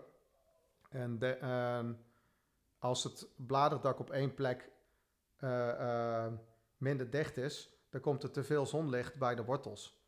En dat is niet goed, dan kunnen ze van dood gaan. Dus als Mhm. er één boom ziek is, dan gaat alle energie van de andere bomen gaat naar die ene boom. Ja. Dus zo, zo eh, zijn ze continu die energie met elkaar aan het delen, want ze moeten dat samen doen, anders dan hebben ze er allemaal last van. Mhm. Dus dat is heel interessant. Van, oh, wacht, maar dus aan de, biolo- aan de biologische kant lijkt dat ook eh, Dat klopt. steek te houden. Ja. En doen mensen dat ook? Wij zorgen toch ook wel voor elkaar als we ziek zijn? Ehm, ja, nou, ik vind met mensen heel vaag, wat ik al zei. Ik had met mensen dat nooit zo, eh, eh, dat gevoel nooit zo sterk, vooral met de natuur. Mhm, En ook, ik had het ook met mijn konijn bijvoorbeeld, dat ik me daar heel erg mee verbonden voelde, energetisch. mhm. En, en met dieren. Ik heb met mijn hond, die staat nog steeds naar me te gillen, ja. Ja, ja ik hoor hem al een tijdje. Ja, maar ga verder, ja. ja en eh, nou ja, katten staan er ook onbekend dat ze dat heel goed aanvoelen allemaal. Als er ook maar iets met energie gebeurt of meditatie dan, en je hebt een kat, dan weten ze niet hoe gauw ze erbij eh, moeten zijn, zeg maar. Mhm. Eh, ja, ik, met mensen had ik dat dus nooit zo. Dus ik snap nog steeds niet hoe dat dan met alle levende dingen wel is, maar met mensen niet of zo. Ja. Eh, ja, dat, maar goed, je hoeft ook niet alles te snappen, toch? Zo, zo, wa- zo was het. En ja, dat ik in die eigen wereld zat, dat, dat wa- was eigenlijk voor mij de fijnste plek waar ik ooit ben geweest, zeg maar. En eh, daar had ik ook een soort controle over alles wat er gebeurde. Eh, dus ik denk dat als ik er straks niet meer ben, dat dat de plek is waar ik weer terug heen ga, want daar kom ik vandaan. Mhm, En ik heb ook een soort, eh, soort heimwee soms mhm. naar iets van voor dit leven. Ja. En dat voel ik zo sterk dat het zo van, hè, maar ik weet helemaal niet waarnaar, weet Ja. je wel. Ik kan het normaal heb je, een, oh wacht, ik wil naar huis, weet je wel. Van het huis, het fysieke huis waar ik in woon of zo. Maar dat is een soort existentiële heimwee die ik niet kan duiden, zeg maar. Dus dat is, eh, dus ja, ik denk als ik doodga, dan ga ik naar huis. Ja. Maar ik ben niet suicidaal of zo. Dat zijn twee totaal verschillende dingen. Ja. Ehm, en ik vind dat wel, eh, ja, ik vind het ook vaak heel lastig om dan dat je een lijf hebt en dat je daar iets mee moet. Ja. Ik denk van ja, eh, onhandig ding. Ik vond het veel fijner in die geesteswereld waar ik toen zat. Ik had ook weinig controle over mijn lijf als kind. Ik heb ook laten vertellen door, eh door healers dat dat dan weer niet helemaal de bedoeling is Hm. van, eh, van eh, de- het spirituele gebeuren. Maar ja, zo was dat, dat was mijn status quo. Ik roep altijd, ik kom van een planeet waar ze geen materialen hebben. Omdat ik altijd alles kwijt ben en zo. Oh zo, ja. Ja, ik ben ook Of laat vallen kwijt. of kapot maken. Of... Ehm, mm, en waaraan merk je nog meer dat je spiritueel bent? Eh, ja, de, de sensitiviteit is ook dat je, eh, dat je soms als je ergens bent geweest en het is heel druk of zo, en dan ben je vrolijk, je gaat erheen en je komt terug en ineens ben je strontchagrijnig. Dus dan heb ik blijkbaar gewoon heel veel shit van andere mensen eh, opgepikt of zo. Mhm. En dan zit je ineens vol, weet je wel. Ik denk van, hé, hoe kan dat nou? Ik was gewoon chill vandaag. En nu is het ineens helemaal klaar. Ja. Eh, eh, ja, en eh, ja, gewoon dat je, dat je energie kan voelen. En dat als je dat met mensen erover hebt, dat ze dan heel vaak zeggen van ja, ik heb een flauw idee waar je het nou over hebt, joh. Ja. Dus dat is dan blijkbaar niet gebruikelijk. En hoe voel je energie? Ja, dat vind ik heel lastig te woorden. Maar Ja. het is een soort. ja, een beetje wat ik net zei met die bomen. Het is een soort gevoel van, van warmte. Van buitenaf. Eh, ehm, en ja, eigenlijk een beetje eh, vergelijkbaar met andere zintuigen. Dus dat hoef je niet per se af te dwingen of weet ik veel wat. Gewoon iets wat je waarneemt. Ja. Eh, of, ja, ik, ik probeer het altijd te vergelijken met als de vonk overslaat tussen mensen. Van, van, ja, maar je bent toch wel eens verliefd geweest? Mhm. Van, je kan toch elkaar aanraken zonder dat je elkaar aanraakt? Dan, eh, en niet iedereen snapt wat ik dan zeg, maar sommige mensen die snappen het dan ineens wel, weet je wel. Mhm. Van, Ja. Je hoeft niet elkaar vast te houden om, om eh, ja, dat kan, kan ook gewoon nu zo hier, maar dat, ja, dat is, meer, vind, is voor mij meer voor bij, bij mijn vrouw en zo. Maar Ja, ik snap het. Als wij zouden willen, dan Ja. zouden we dat nu hier kunnen bewerkstelligen, dat we elkaar een hand geven. Of wat ik dan in coronatijd een bluetooth-handje noemde. Mhm. Eh, maar da- daarvoor hoef je elkaar niet fysiek aan te raken. Nee, ik snap wat je En, bedoelt. en dieren die eh, zijn daar ook handiger in. Bijvoorbeeld honden, die voelen dat ook. En daarom kan ik ook al volgens mij best wel goed met honden over het algemeen. Omdat die, omdat als je zeg maar je, uit, je uitstraling aanpast, eh, ja, die voelen al van een afstandje van, oh wacht, die houdt rekening met mij. Ja. Of ik was een keer eh, een heel vrolijk liedje aan het luisteren, bijvoorbeeld. kwam ik van mijn werk. Mhm. En eh, een heel vrolijk liedje aan het luisteren. En ik was echt zo... En Dat kunnen mensen niet zien, hè? Zo, nee, zo, eh, eh, zeg maar, eh, de, een stank, de, sta- de stankface en een beetje zo aan het viben erop. Maar niet heel erg zichtbaar aan de buitenkant. Mhm. En toen was er een hond die zag mij op 300 meter afstand of zo. Die was gelijk zo van, ja, daar is een feestje, daar moet ik ook heen, ik wil meedoen. En eh, verder had niemand dat door, weet je wel. Maar die hond had gelijk zoiets van, ja, daar is het doop. Ik moet bij die gast zijn, weet je wel. ja, ja. Dus dat vind ik heel leuk aan dieren. Die hebben helemaal niet... eh, ja, wij kunnen het uitzetten ook. Mhm. Maar dieren niet. Die kun- hebben die keuze gewoon niet. Nee. Die voelen het altijd. Dat is ook wel irritant, denk ik. Maar als je dat altijd voelt. Nou, dat weet ik niet. Eh, als je daar geen mening over hebt gevormd dat het slecht of eh, Ja. onhandig is. Of zo van, ja, ik heb een deadline, flikker nou eens op met die energie van die bomen.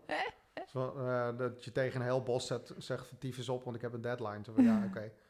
Wat, wat, eh, wat, eh, wat geef je dan weg? Of wat, eh, wat loop je dan mis, weet je wel? Dat vind Ja. ik af en toe wel tricky. Ehm, waar geloof jij in? Waar geloof ik in? Ja. Nou ja, wat ik dus net heb verteld, onder andere. En ja, bedoel je dan echt geloven in, in de spirituele zin? Of meer ook overtuigingen en dat soort dingen? Ja, of God, of ehm, weet ik veel. Ja, ik zeg altijd, ben je wel hindoeïst. want dat is lekker irritant voor iedereen. Dat, dat, ik, dat, ik niet, nergens, eh, dat ze me nergens in een hokje kunnen stoppen. Dat vind ik leuk om irritant te doen. En, eh, zo van, eh, ja, ik geloof niet in God, maar ik ben ook geen atheïst. Wat ben je dan wel? Zo, van, ja, ik hoef toch helemaal geen stelling te nemen. Dat is toch aan mij? ja, maar ik denk dat heel veel mensen in principe... Als je alleen kijkt naar, naar ehm, het denken, zijn we eigenlijk allemaal agnost. Want je kan niet bewijzen dat het een meer waar is dan het ander, zeg maar. Nou ja, inderdaad, ik geloof dat ik het niet weet. ja. En eh, ik, ik heb dus geprobeerd het te weten. Eh, En die neiging heb ik ook wel als ik veel met spirituele dingen bezig ga. Vooral het Chinese spul. Dat is waanzinnig interessant, by the Mhm. way. ja. Qigong en Tai Chi en dat soort dingen. Het is gewoon een wetenschap op zich. Alleen dan wil ik dat allemaal snappen. En dus dan ga ik weer heel erg juist in mijn hoofd. Of wat ik vind onwijs interessant. Maar dan ben je al niet meer in je lijf. Want dat is om met je lijf te doen, weet je wel. Dus dat eh, eh, het niet weten is eigenlijk wel, eh, wel oké. Ja. En het pretenderen dat je het wel weet, of bijvoorbeeld de Bijbel of dat soort dingen, van Gods geschreven woord. Nou ja, goed, iemand heeft dat geschreven.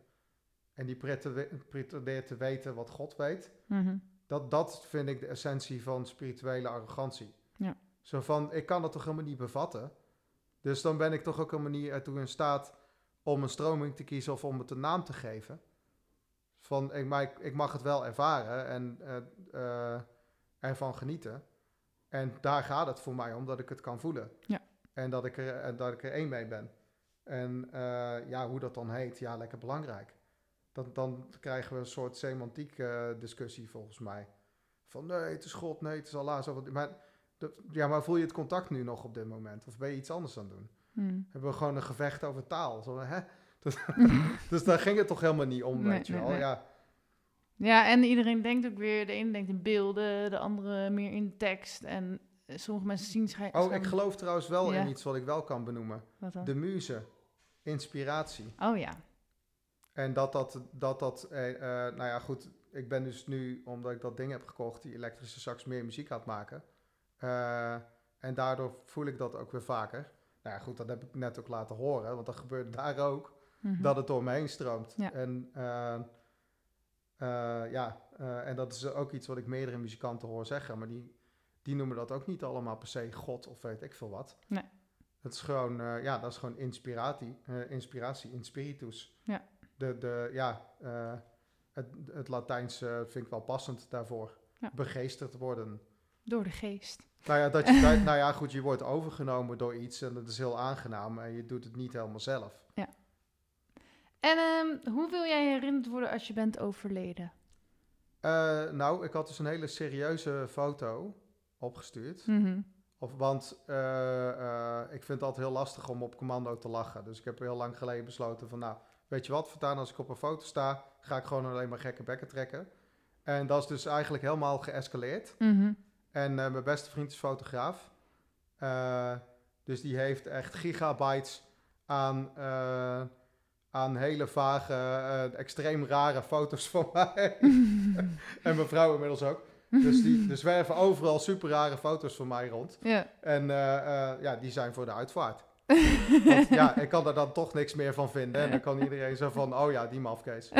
Dus nou, zo. Dus je wilt daarin weer als mafkees. Nou ja, goed. eh, eh, ja, Ehm, dat en, eh, dat en nou ja, goed, ik heb een uitvaartverzekering. Dus dan denk ik ook af en toe na van, oké, wat moet daar dan verteld worden? En het doodgaan zelf lijkt me niet leuk, maar ik ben niet bang voor de dood aan zich. Mhm. Dus dat vind ik ook belangrijk dat dat dan ook wordt benoemd. Van hé, hey, ik vind het eigenlijk wel chill dat ik weer naar huis kan. Ja. Want ik heb het zo gemist, weet je wel. Nu mag ik gewoon weer naar huis. En ik, heb, ik ben hier ook iets komen doen, daar heb ik ook van genoten. Maar dat is heel erg met ups en downs ook, weet je. En Ja. dat is een constante, weet ik. Nou, mooi dat vertrouwen. Als mensen jou nodig hebben, en mag je ook nog even snel roepen waarvoor, dus eh, baslijntjes inspelen bij leuke muziek, wat nog meer? Eh, nou, kijk, dat baslijntje, dat had hij er al in zitten. Ja. Ik, ik speelde het loopje eroverheen. oh, sorry, ik bedoel saxlijntjes. ik zei baslijntjes. Oh, nee, maar... ja, oké, maar hij had dus al een sax erin zitten als Ja. baslijntje. Ja, dus ja, ja. vandaar de verwarring, maar oké. Eh, eh, ja, waarvoor? Nou ja, goed, voor wat ik heb laten horen. En eh, dat was een voorbeeld. Eigenlijk was ik daar aan het soleren om dus loopjes te vinden die erbij pasten. En dat hoorde je aan dat eindje, einde, dat... Mhm, dat stukje, zeg maar. mhm. Dus dan gewoon zoeken naar die inspiratie in een solo. En ja, dat soort dingen. Dus een beetje themaatjes eh, ergens bij zoeken. Eh, dat je een soort vraag-antwoord effect eh, krijgt. Wat, wat ook bij blaaswerk past. En ja, hier dus bij, bij drum en bass. En,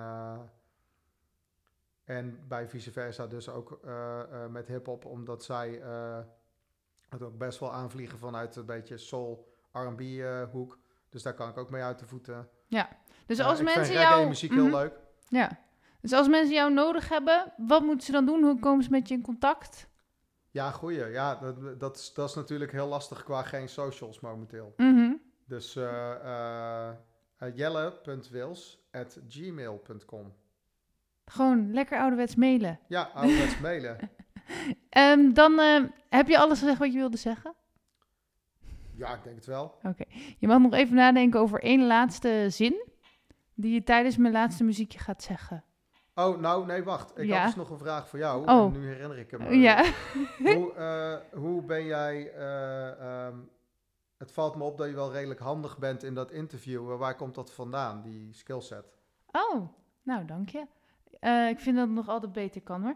Eh, ja, dat, het kan natuurlijk ook weer een heel lang verhaal worden. Maar ehm, ik weet dat ik in ieder geval. Mm, ik heb eh, social work, nee, eerst pedagogisch werker jeugdzorg gestudeerd daar, eh, op het MBO. Daar leer je al heel erg ges- gesprekstechnieken en met mensen omgaan. En ik heb ook Mhm. altijd veel in callcenters gewerkt en gewoon veel met mensen gewerkt. Maar ik denk toen ik godsdienst studeerde, moest ik leren pastorale gesprekken voeren. Mhm. En met social work moest ik dat leren. En op een gegeven moment eh, had ik een kunstenaar onder mijn huis wonen in het centrum van Ede. En ik dacht, ik vind het echt heel leuk om hem te interviewen. Want ik vind hem zo'n inspirerende man. Mhm. En dat was eigenlijk mijn eerste interview. En in de lockdown begon ik gewoon zelf heel veel podcasts te luisteren.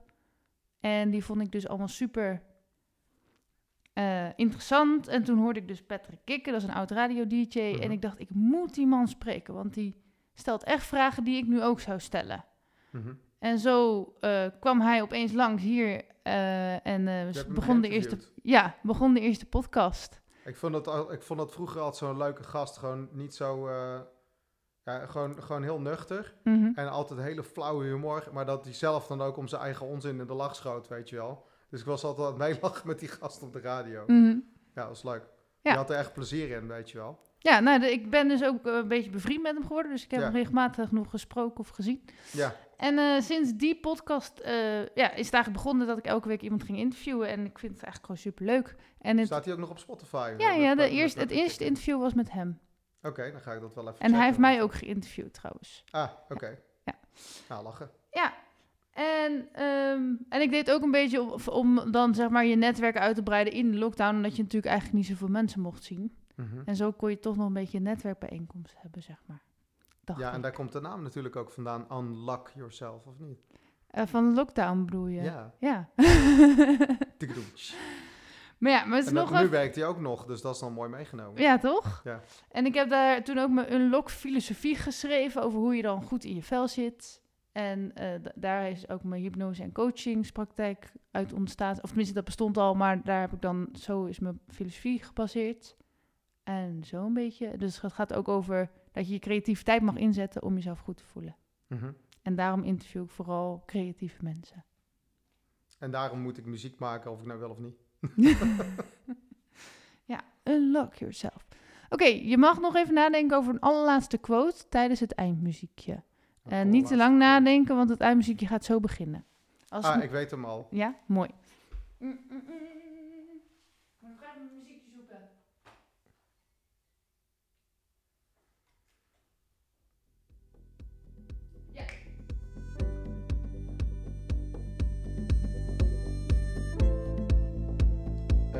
in den beginnen hebben we toch maar geboft. Eerst was er niets en dat is toen ook nog ontploft.